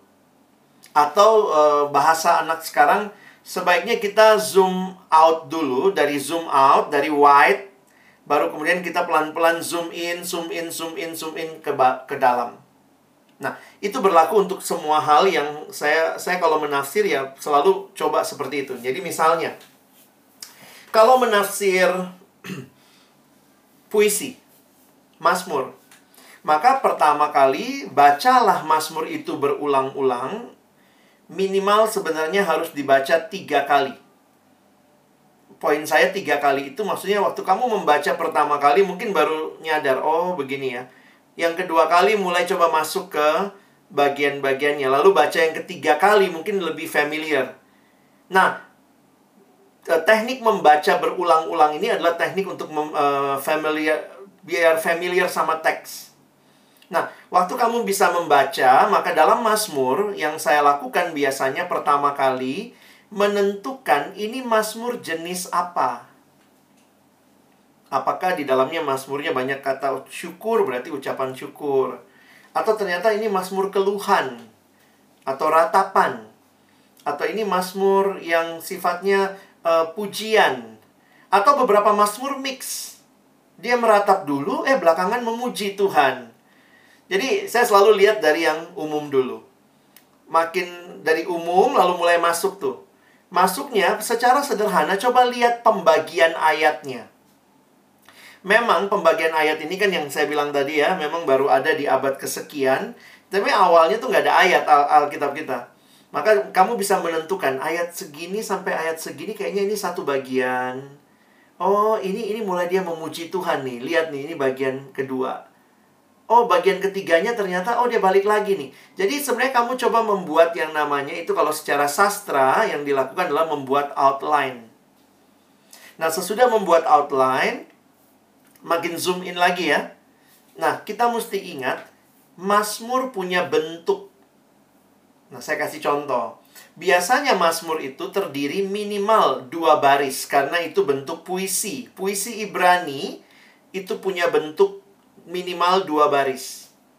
Dua baris itu bagaimana? Baris pertama dan baris kedua itu kita harus melihat apa yang menjadi paralelismenya. Jadi itu teorinya namanya cari paralelismenya. Jadi lihat ya tadi dari seluruh Mazmur, terus kemudian buat outline, habis buat outline mungkin kita masuk ayat per ayatnya nih. Lihat paralelismenya. Saya kasih contoh begini.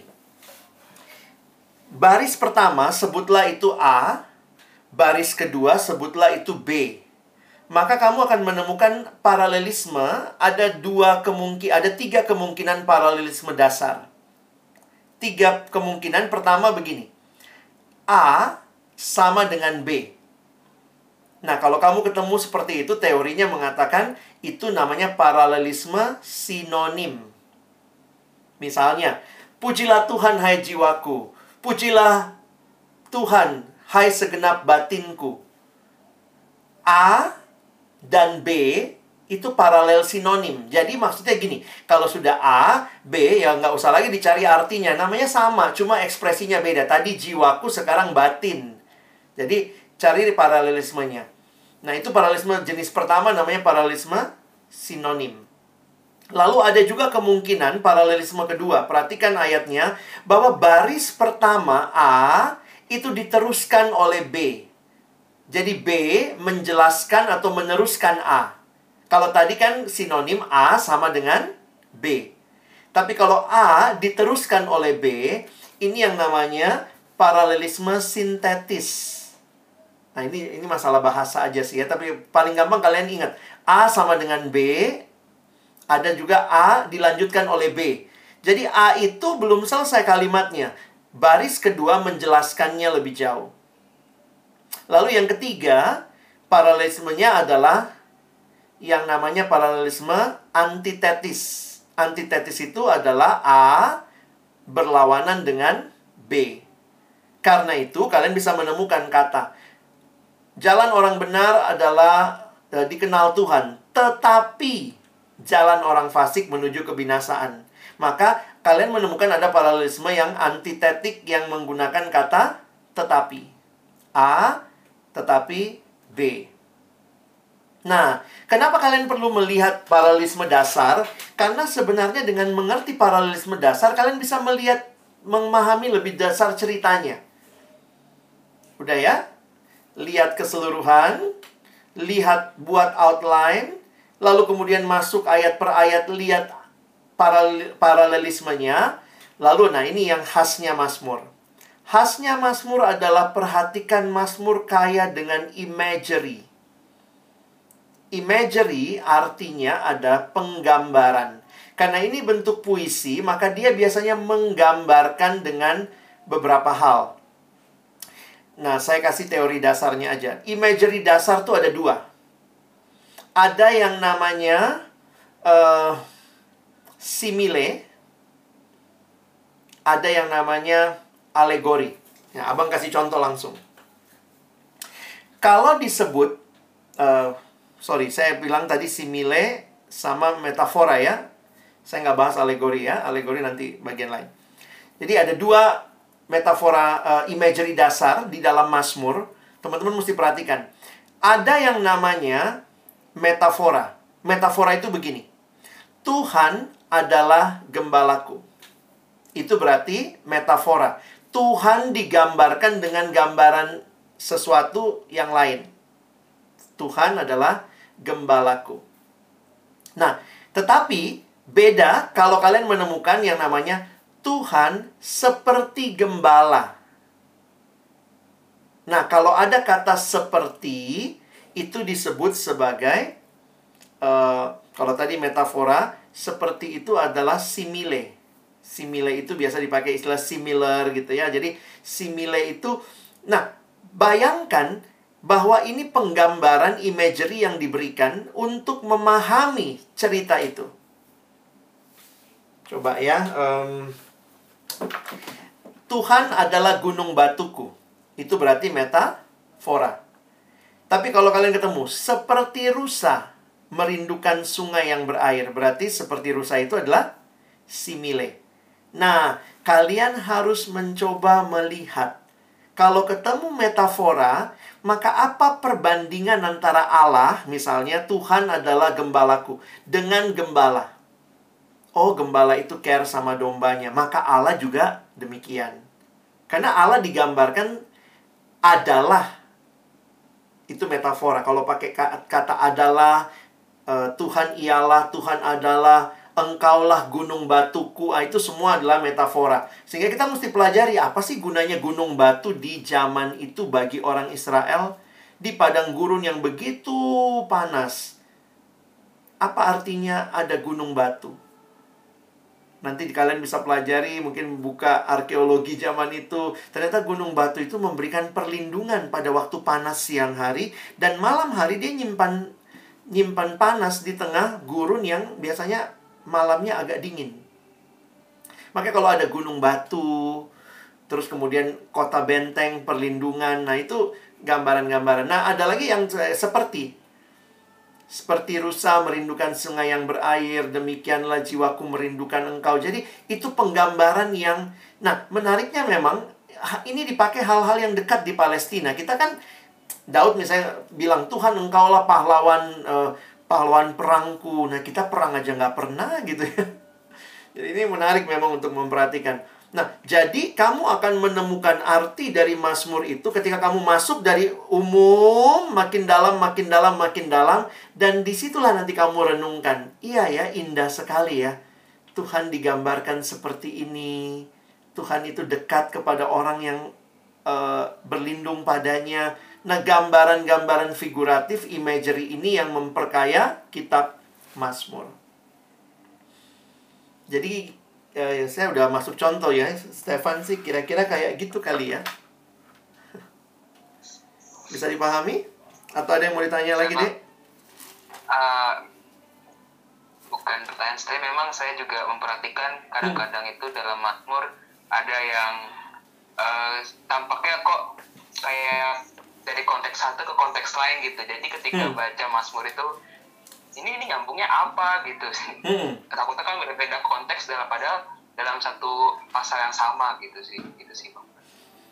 Eh, poinnya memang bagi saya gini, lakukan dulu PA-mu pribadi, sesudah itu bandingkan sama tafsiran-tafsiran yang ada.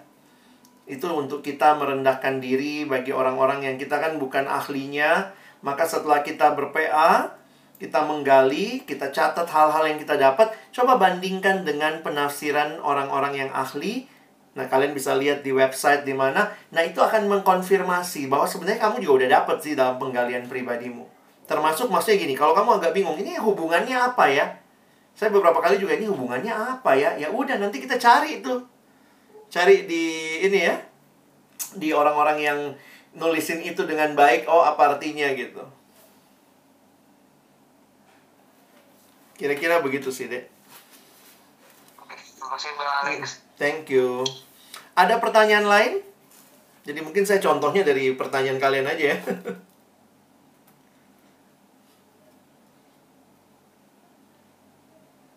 Silakan kalau teman-teman ada pertanyaan.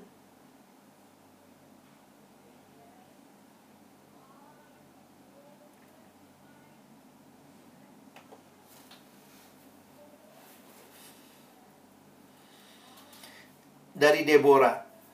Bang, izin bertanya, jika pembagian pasal itu dimulai abad 16, maka siapa dan bagaimana teks-teks dalam Alkitab dibagi diberikan judul perikop? Terima kasih, Bang.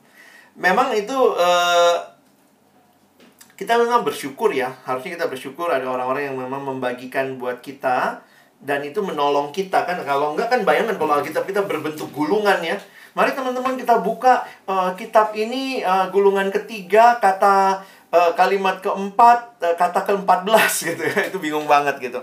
Nah, tapi memang konsekuensi dari pembagian dan judul yang diberikan itu sadar atau tidak bisa mempengaruhi kita padahal juga belum tentu judulnya persis seperti itu. Jadi maksudnya saya mau mengatakan begini, judul-judul itu yang bikin manusia. Jadi bisa aja berbeda, bisa aja tidak tepat atau kurang tepat. Tergantung makanya kalau kalian lihat berbagai berbagai terjemahan Alkitab kita sepakat dengan ayatnya. Saya melihat kita nggak terlalu banyak mengubah ayatnya dari dulu sampai sekarang kita sepakat dengan ayatnya. Yang kita suka beda itu adalah judul perikopnya. Makanya judul-judul di bahasa Indonesia, di bahasa Inggris bisa beda. Bahkan pembagian, pembagian perikop. Jadi dalam satu pasal misalnya ada berapa perikop itu bisa bisa berbeda-beda. Siapa yang bikin ya yang menerjemahkan Alkitab itu gitu. Ma- Memang maksudnya sih untuk memudahkan. Tapi dalam realita em, dulu waktu saya belajar PA, saya ingat banget tuh pemimpin kelompok kecil saya suruh kita tulis ulang tuh semua ayat, hilangkan nomor ayatnya.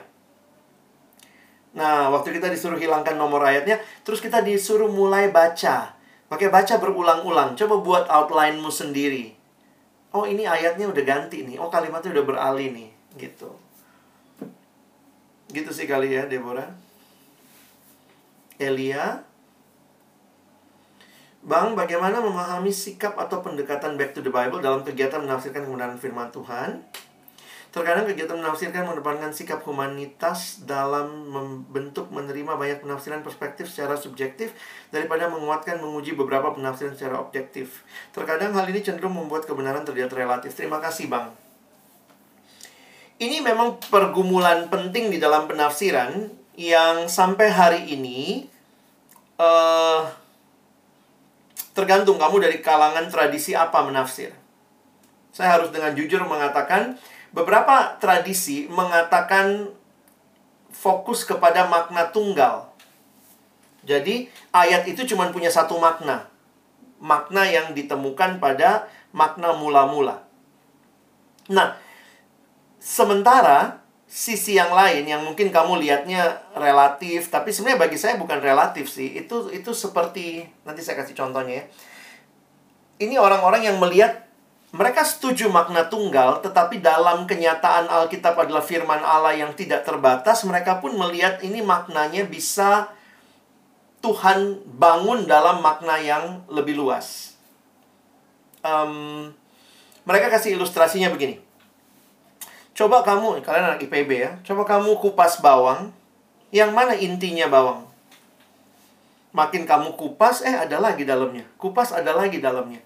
Nah, mereka mencoba melihat kekayaan itu. Nah, saya ada di dalam uh, pemikiran yang sama bahwa makna tunggal pasti ada, tetapi makna tunggal itu tidak membuat kita jadi orang yang menutup mata terhadap cara Tuhan yang kreatif, memberikan kepada kita pemaknaan baru bahkan tetapi saya sangat percaya ada pagarnya. Nah, pagarnya itulah yang akan menentukan ini benar, masih bisa diterima atau tidak. Saya kasih contoh. Kalau kalian main bola, maka itu di, dikatakan keluar offside kalau memang sudah keluar garis. Saya out ya, maksudnya out itu ya kalau keluar dari garis. Nah, saya melihat di dalam tradisi kekristenan kita dikasih garisnya. Jadi selama yang kita tafsirkan masih dalam koridor garis itu, saya melihat ya oke okay aja, terbuka penafsiran. Yang memang jadi masalah adalah kalau kita memutlakan penafsiran kita lalu menuding yang lain salah. Padahal yang lain itu pun mungkin masih dalam garis batas itu. Nah, garisnya apa? Sebenarnya di dalam tradisi gereja, garis utamanya itu adalah PIR, pengakuan iman rasuli. Jadi, selama penafsiran kita tidak melanggar pengakuan iman rasuli, kita masih bisa menerimanya. Dan kita mesti belajar melihatnya lebih umum begitu kali ya. Saya kasih contoh begini. Ini waktu PA sih sama beberapa teman ya. Nah, ini hal-hal sederhana lah ya. Mengapa Yesus berjalan di atas air? Terus ada yang bilang, oh Yesus berjalan di atas air, apa mungkin dia nggak punya ongkos ya bang? Uh, oh waktu itu udah malam sih bang gitu ya. Uh, terus yang yang yang sangat ini, oh Yesus mau menunjukkan kuasanya atas alam. Yesus uh, sedang mau cepet gitu kalau nunggu perahu lagi bakal lama gitu. Nah, sebenarnya kalau kita lihat beberapa penafsiran ini, yang mana yang paling benar? Bisa, memang bisa beberapa kemungkinan itu. Nanti pastinya kita tanya sama Yesus gitu ya. Sejauh itu tidak nyeleneh, tidak meng, tidak keluar dari batas, saya saya pikir masih bisa kita terima sebagai kemungkinan. Jadi pernah sama anak SMA ya, dia nyeleneh ya. Kenapa Yesus berjalan di atas air? Oh, dia nggak bisa berenang, Bang. Oh, sorry nih, lu udah udah ngawur nih. Kita udah langsung bisa bilang, ini nih kayaknya nggak nih. Tetapi kalau mungkin Yesus mau cepat daripada nunggu perahu, itu masih logis juga. Terus yang satu, oh enggak, Yesus hanya mau menunjukkan dirinya sebagai Tuhan dan Juru Selamat yang berkuasa atas alam. Ya benar juga. Jadi akhirnya saya melihat, ya Tuhan mengizinkan kita punya penafsiran, karena itu sekarang buku tafsir juga banyak dan selama tafsiran itu dalam koridor tidak keluar dari uh, penghormatan kita kepada Yesus sebagai Tuhan dan juru selamat dari pengakuan iman rasuli maka kita harusnya belajar menghargai tafsiran orang yang beda sama tafsiran kita. Oh, banyak tafsiran kita yang beda. Bagaimana teman-teman dari tradisi ortodoks, bagaimana teman-teman dari tradisi karismatik, dari tradisi protestan, jadi uh, kita perlu rendah hati dalam menafsir. Kira-kira begitu ya. Dari Daniel. Bang, ingin bertanya mengenai kanonisasi Alkitab. Mengapa kanonisasi Alkitab orang Kristen berbeda dengan Alkitab Katolik? Di mana terdapat tambahan Oke. Apakah kita sebagai orang Kristen mengakui kitab tersebut? Kita nggak lagi bahas bibliologi. Kalau saya bahas bibliologi, saya akan bahas itu. Karena itu butuh waktu lumayan panjang untuk jelasin. Saya harus mengatakan, uh, saya, saya katakan ininya aja, kesimpulannya ya. Kanonisasi yang diterima Katolik itu ditambahkan pada tahun 1546. Makanya disebut sebagai Deuterokanonika atau kanon kedua. Sementara gereja Protestan memakai kanon pertama yang diambil dari konsili Kartago tahun 395. Jadi sebenarnya kita pernah konsili tahun 395, masih gabung tuh gereja waktu itu. Lalu dipakailah uh, kanonisasi 39 PL, 27 PB, totalnya 66. Nah, sesudah reformasi, lalu gereja Katolik yang diserang oleh Luther karena Luther menyerang ajaran tentang api penyucian dan seterusnya, lalu kemudian gereja Katolik menemukan uh, bukan menemukan lah ya, mengambil uh, kitab-kitab uh, apokrifa dan kemudian tahun 1546 dalam konsili di Trent, di kota Trente, Trent, dia mereka me, menegaskan menambahkan kanon kedua. Jadi kalau gereja Protestan tidak menerima kanon kedua karena kita masih memegang kanon yang pertama yang disepakati tahun 395 di Konsili Kartago. Nah, penjelasan sederhananya seperti itu.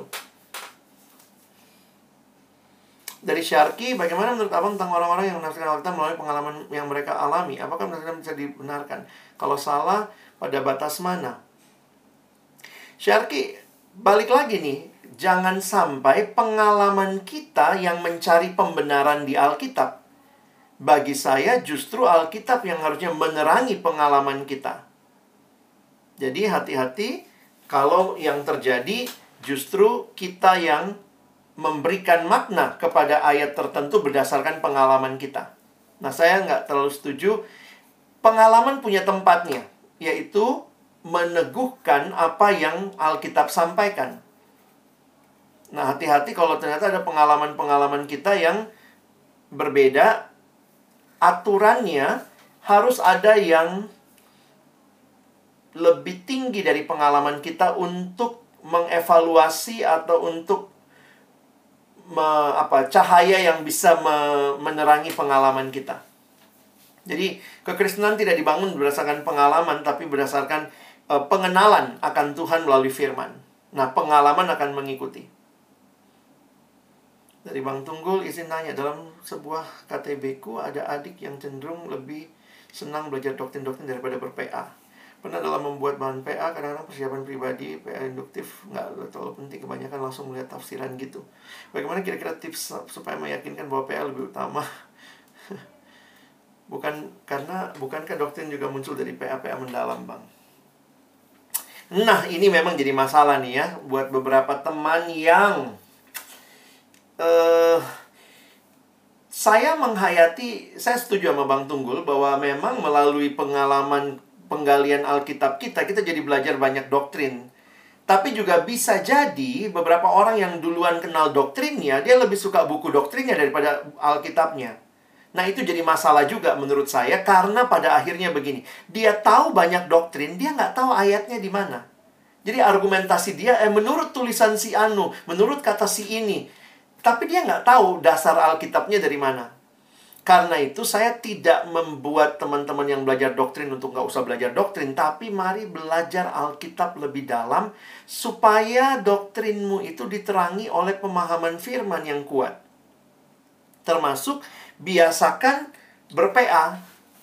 Saya setuju tuh, biasakan berPA, biasakan Alkitab yang bicara. Jadi bukan kata Calvin, kata Martin Luther, kata uh, hukema kata ya saya juga suka ngutip orang-orang itu karena saya ada dalam tradisi uh, reformasi yang sangat menghargai karya para reformator tapi saya sangat menikmati ketika akhirnya tahu oh Mak Luther itu kutip dari ayat ini toh gitu ya. Jadi kayak kembali ke resource awalnya gitu. Ya ampun Calvin itu begitu kuat pemahamannya karena ayat ini toh. Dan ayat itu yang waktu saya renungkan wow Iya ya, indah sekali misalnya. Jadi, saya harus katakan teman-teman terus nggak apa-apa kelihatan agak bodoh karena nggak kuasai doktrin. Bagi saya nggak apa-apa kok nggak kuasai doktrin dan bagi saya yang harus dikuasai Alkitab. Karena Alkitab itu akan menolong kita, menerangi kita untuk mengerti doktrin. Jadi jangan merasa uh, sombong dan bangga karena tahu banyak doktrin ya. Tapi banyak yang banyak orang yang doktrinnya ngelotok, pergi ke gereja yang sangat bagus doktrinnya, tapi ternyata saat teduh aja enggak gitu ya. Uh, baca Alkitab nggak serius gitu. Nah itu yang saya lihat kadang-kadang nggak nggak tepat ya. Thank you. Ada lagi?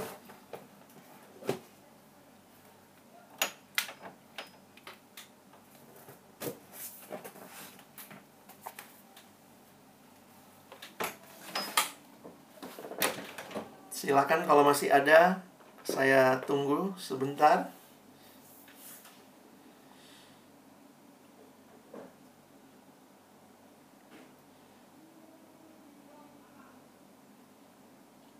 Ini kalau mau lihat contoh sedikit, eh, secara cepat ya, saya coba contohkan kalau surat. Mungkin surat karena udah sering ya. Bagus juga tadi Stefan nanya soal Mazmur ya. Kalau surat, ya surat kuno tuh punya bentuk sendiri gitu.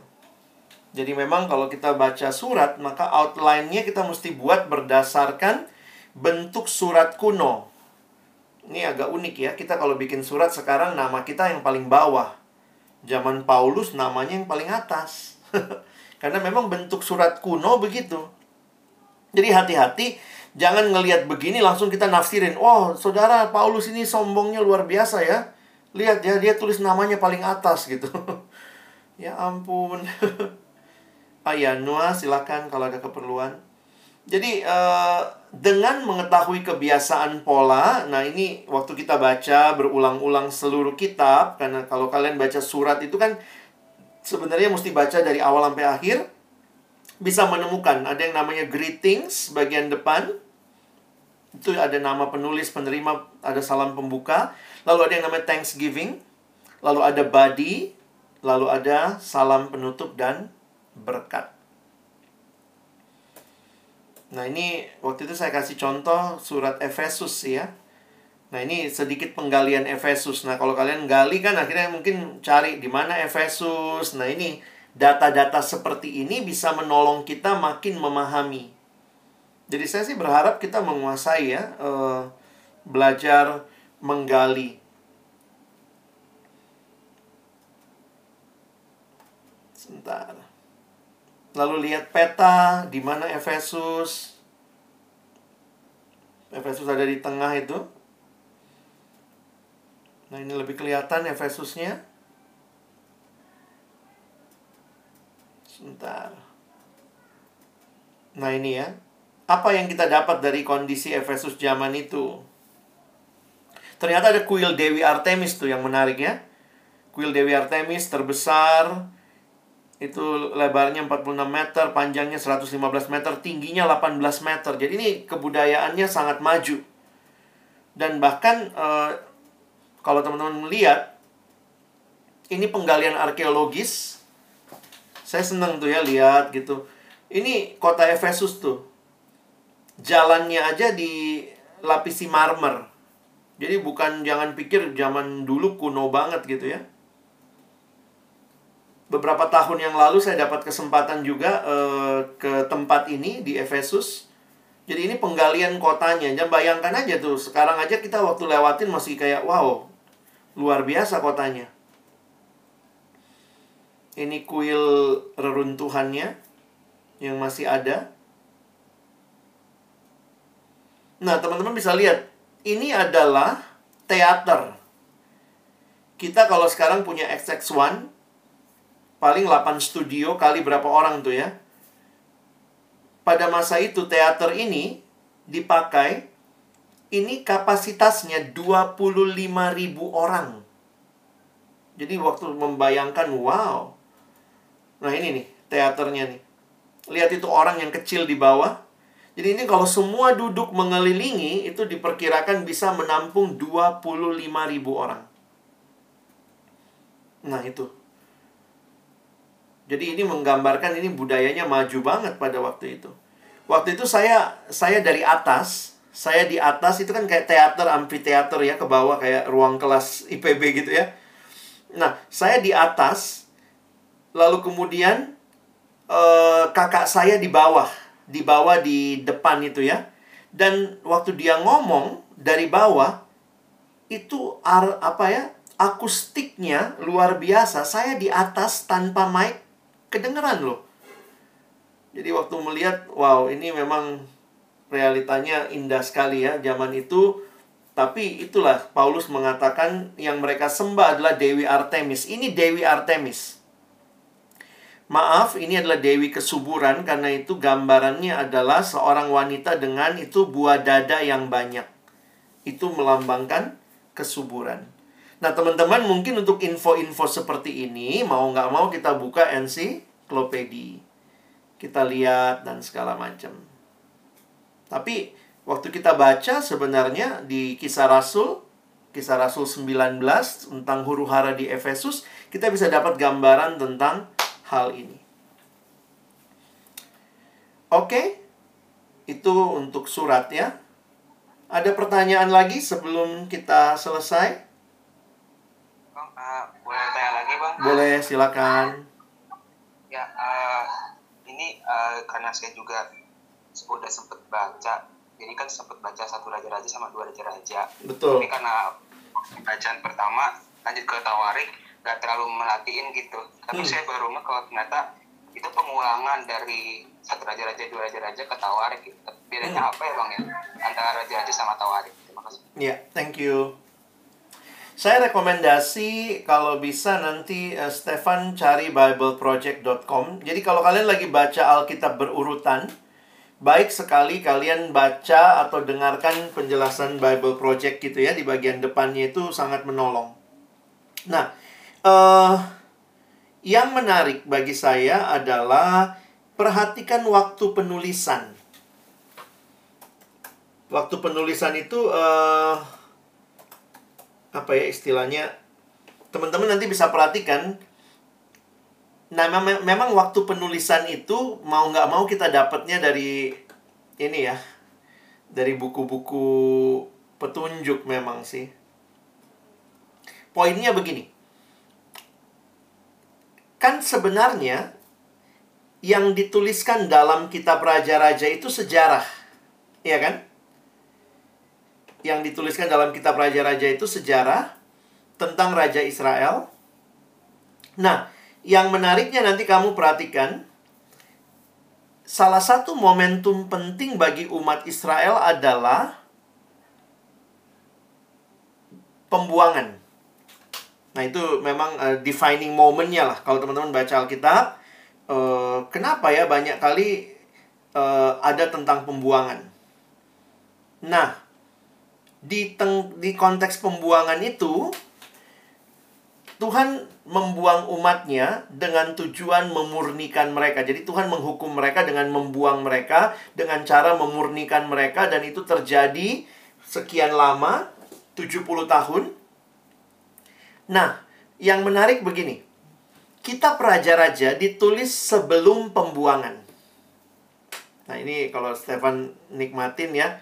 Nanti setelah saya jelaskan mudah-mudahan kalau kamu baca kamu bisa lebih ngeh kitab raja-raja ditulis sebelum pembuangan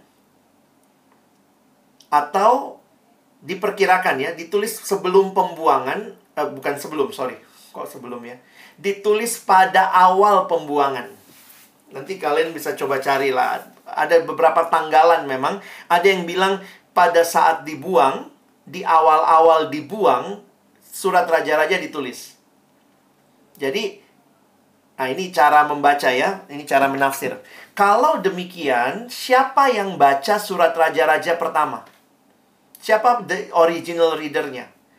Kemungkinan pembaca pertama surat raja-raja adalah mereka yang lagi ada di pembuangan. Nah, gitu. Jadi waktu dia baca raja-raja, teman-teman masih ingat kan kalau baca raja-raja, raja ini jelek, tambah jelek, tambah jelek, digantikan anaknya, anaknya lebih jelek lagi dari bapaknya. Terus tiba-tiba nanti ada raja, ih dia agak bagus nih Yosia, eh anaknya Yoyakim jelek lagi begitu. Sebenarnya kitab raja-raja itu ditulis di tengah-tengah mereka awal-awal dibuang, waktu mereka baca di pembuangan, nah bayangkan nih Israel, orang Israel yang baca pertama di pembuangan, waktu dia baca kitab Raja-Raja, mereka akan meyakini begini. Pantes ya kita dibuang, karena raja-raja kita makin lama makin jahat. Memang kamu mesti balik lagi jauh di kitab Samuel. Satu waktu Tuhan kan bilang, Waktu itu Samuel datang ngadu sama Tuhan. Tuhan, ini umatmu minta raja. Kalau minta raja, bukankah engkau raja mereka? Kok mereka malah minta raja? Katanya minta raja yang bisa dilihat seperti bangsa-bangsa lain. Terus Tuhan bilang sama Samuel ya, mungkin kalau pakai bahasa saya, Sam, Sam, tenang Sam. Jangan baper. Bukan kamu yang mereka tolak, aku yang ditolak. Nah, terus kemudian Tuhan jadi izinkan. Oke okay lah, kalau mereka mau punya raja, silahkan mereka punya raja. Tapi ingat, apa yang raja minta, mereka harus kasih. Kalau raja minta kuda, mereka mesti kasih kuda. Kalau raja minta ini, mereka mesti kasih. Sehingga Tuhan bilang sama mereka, silakan. Mau minta, silakan. Tapi apa pun yang mereka minta, raja minta, mesti dikasih. Dan kalau rajanya tidak sesuai kehendakku, yang aku hukum bukan cuma rajanya. Tapi kamu semua sebagai sebuah bangsa. Jadi ketika umat Israel ada di pembuangan, mungkin mereka pikir, Tuhan kenapa sih kami dibuang? Lalu kemudian mereka baca kitab Raja-Raja. Apa kesan mereka? Pantas kita dibuang ya. Karena raja kita memang makin lama makin jahat. Nah, sementara cerita yang sama dituliskan di Tawarik. Tetapi kitab Tawarik ini menurut penanggalan, kita tawarik ditulis ketika Israel pulang dari pembuangan. Jadi sudah balik lagi. Dibuang 70 tahun, kemudian balik lagi nih. Nah, kira-kira sama nggak isinya? Ya sama, sejarah raja-raja. Kalau teman-teman lihat tuh sejarah raja-raja. Tapi ternyata menarik nih. Kalau orang pulang pembuangan, apa yang mereka rindukan? Orang yang pulang dari pembuangan itu merindukan membangun kembali Yerusalem. Karena itu perhatikan, kitab Tawarik itu menceritakan ulang apa yang dialami raja-raja Israel termasuk keburukan mereka, tetapi ada beberapa cerita yang ditulis di Tawarikh tidak muncul di raja-raja. Dan itu cerita apa? Banyak adalah cerita pembangunan. Jadi misalnya begini, raja ini makin jahat, makin jahat, makin jahat, tapi raja ini pernah bangun ini nih. Raja ini jahat-jahat jahat, tapi dia juga pernah bangun ini. Nah, nanti coba deh Stefan perhatikan kalau dua cerita raja-raja sama Tawarih dibandingkan, ada bagian yang tidak muncul di raja-raja tapi ada di Tawarih. Dan itu biasanya tentang membangun. Dengan tujuan apa? Karena pembaca pertama kitab Tawarikh adalah orang Israel yang pulang dari pembuangan. Mereka diberikan kitab Tawarikh untuk membaca lagi raja-raja mereka yang tambah jahat yang mengingatkan mereka kalau mereka jahat lagi Tuhan bisa hukum lagi. Tetapi juga pada saat yang sama mengingatkan, ayo bangun kembali. Nah, lihat ya sejarah yang sama ditulis di dua kurun waktu berbeda kepada pembaca yang berbeda kondisi, ternyata isinya bisa berbeda. Kira-kira begitu. Bisa paham ya, Stefan ya? Semoga pembacaan pembacaanmu bisa lebih menarik. Iya, Bang. Makasih, Bang jadi baru tahu saya Iya itu mesti makanya selalu saya ingat gambar abang tadi selalu mesti ayam dulu baru kamu bisa ngerti kalau enggak kitab itu jadi kayak nggak guna buat kita apa sih ceritanya begini lagi begini lagi gitu oke okay.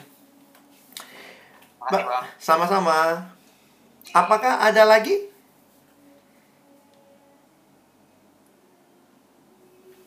Kalau nggak ada sih nggak apa-apa ya, kita bisa selesai. Tapi poin saya adalah saya berharap teman-teman makin tertantang nih baca Alkitab. Makin nikmati. Saya nggak mau kita punya kesan uh, baca Alkitab itu susah, PA itu susah gitu ya. Tapi indah dan di dalamnya kita membaca buat transformasi. Apakah ada satu pertanyaan lagi kalau mungkin teman-teman mau?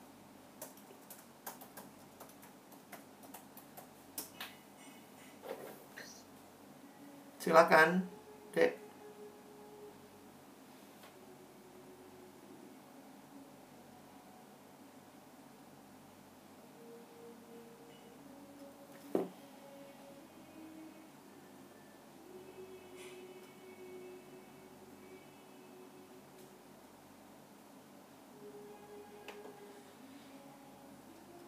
Jangan lupa kalau memang mau akses, saya sangat mendorong teman-teman akses Bible Project.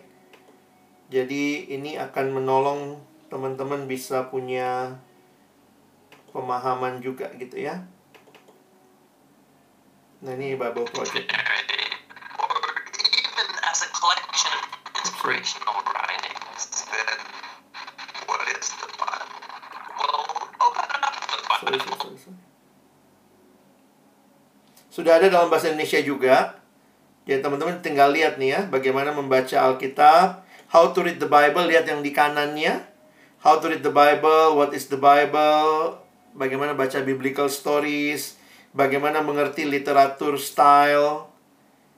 Lalu nanti dia mulai masuk ke bagian-bagian. Kalau poetry eh, ini yang tadi puisi ya yang ditanyakan oleh Stefan bagaimana mengerti metafora di dalam puisi. Saya sangat melihat ini sangat menolong, tapi mungkin banyak yang belum punya akses dan sudah ada dalam bahasa Indonesia, tapi belum semua diterjemahkan. Jadi yang sudah diterjemahkan eh, beberapa, tetapi yang untuk PA-nya ini eh, masih dalam bahasa Inggris. Tergantung kalian tinggal lihat nih, mau belajar kitab nabi-nabi, the prophet, mau belajar kitab law, mau belajar kitab hikmat Salomo, bagaimana eh, polanya. Nah, tapi saya udah kasih gambaran mulai selalu dari yang besar lalu masuk ke yang kecil, gitu ya. Mulai selalu dari dulu baru bawa ke yang sekarang. Oke, jadi abang eh, selesai dulu di sini. Saya coba merangkum kembali bahwa Tuhan kasih kita firman-Nya untuk teman-teman dan saya hidupi, memtransformasi hidup kita dan kiranya tools, teknik menggali yang kita dapat makin menolong kita bisa menikmati kekayaan firman buat hidup kita ya. Mari kita berdoa. Bapak Surgawi, terima kasih banyak kami belajar siang hari ini apa artinya hidup menikmati firman-Mu, menggali, merenungkan, menerapkan, membagikannya. Kami berdoa biarlah ketika kami dapat kesempatan-kesempatan membagikan firman, baik kami yang mungkin dapat kesempatan membawa renungan, kami yang dapat kesempatan memimpin kelompok kecil, kami yang dapat kesempatan mem- memimpin pembinaan, biarlah semuanya didasarkan kepada pemahaman yang dalam akan firman-Mu. Dan ketika kami menemukannya, kami membagikannya secara melimpah.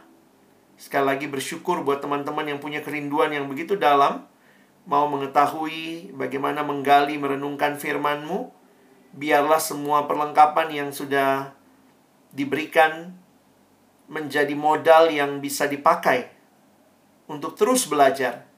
Bukan hari ini saja berhenti belajar, tetapi juga bisa mengakses hal-hal yang sekarang ini hamba bersyukur secara digital telah disiapkan oleh teman-teman dari The Bible Project. Hamba sendiri bersyukur sekali menolong menjelaskan kepada adik-adik dengan video-video dari Bible Project ini bisa menolong kami juga memahami apa yang perlu dilakukan untuk mendekati setiap jenis sastra dengan bertanggung jawab. Berdoa juga bagi teman-teman yang mungkin begitu cinta dengan doktrin, hal yang sangat indah. Tapi lebih dalam lagi biarlah mereka membangun kecintaan kepada firman. Karena dari situlah juga doktrin itu muncul. Doa kami berdoa biarlah sungguh-sungguh ada hati yang terbuka di hadapan Tuhan. Rindu mengenal Engkau. Sehingga kami bukan hanya jadi orang-orang yang terisi secara knowledge. tapi hidup kami juga boleh mengalami perubahan karena mengenal Engkau. Kami bersyukur sekali lagi berterima kasih buat waktu ini, berkati waktu ke depan dalam aktivitas kami. Kami menutup dalam nama Yesus, kami sudah berdoa. Amin.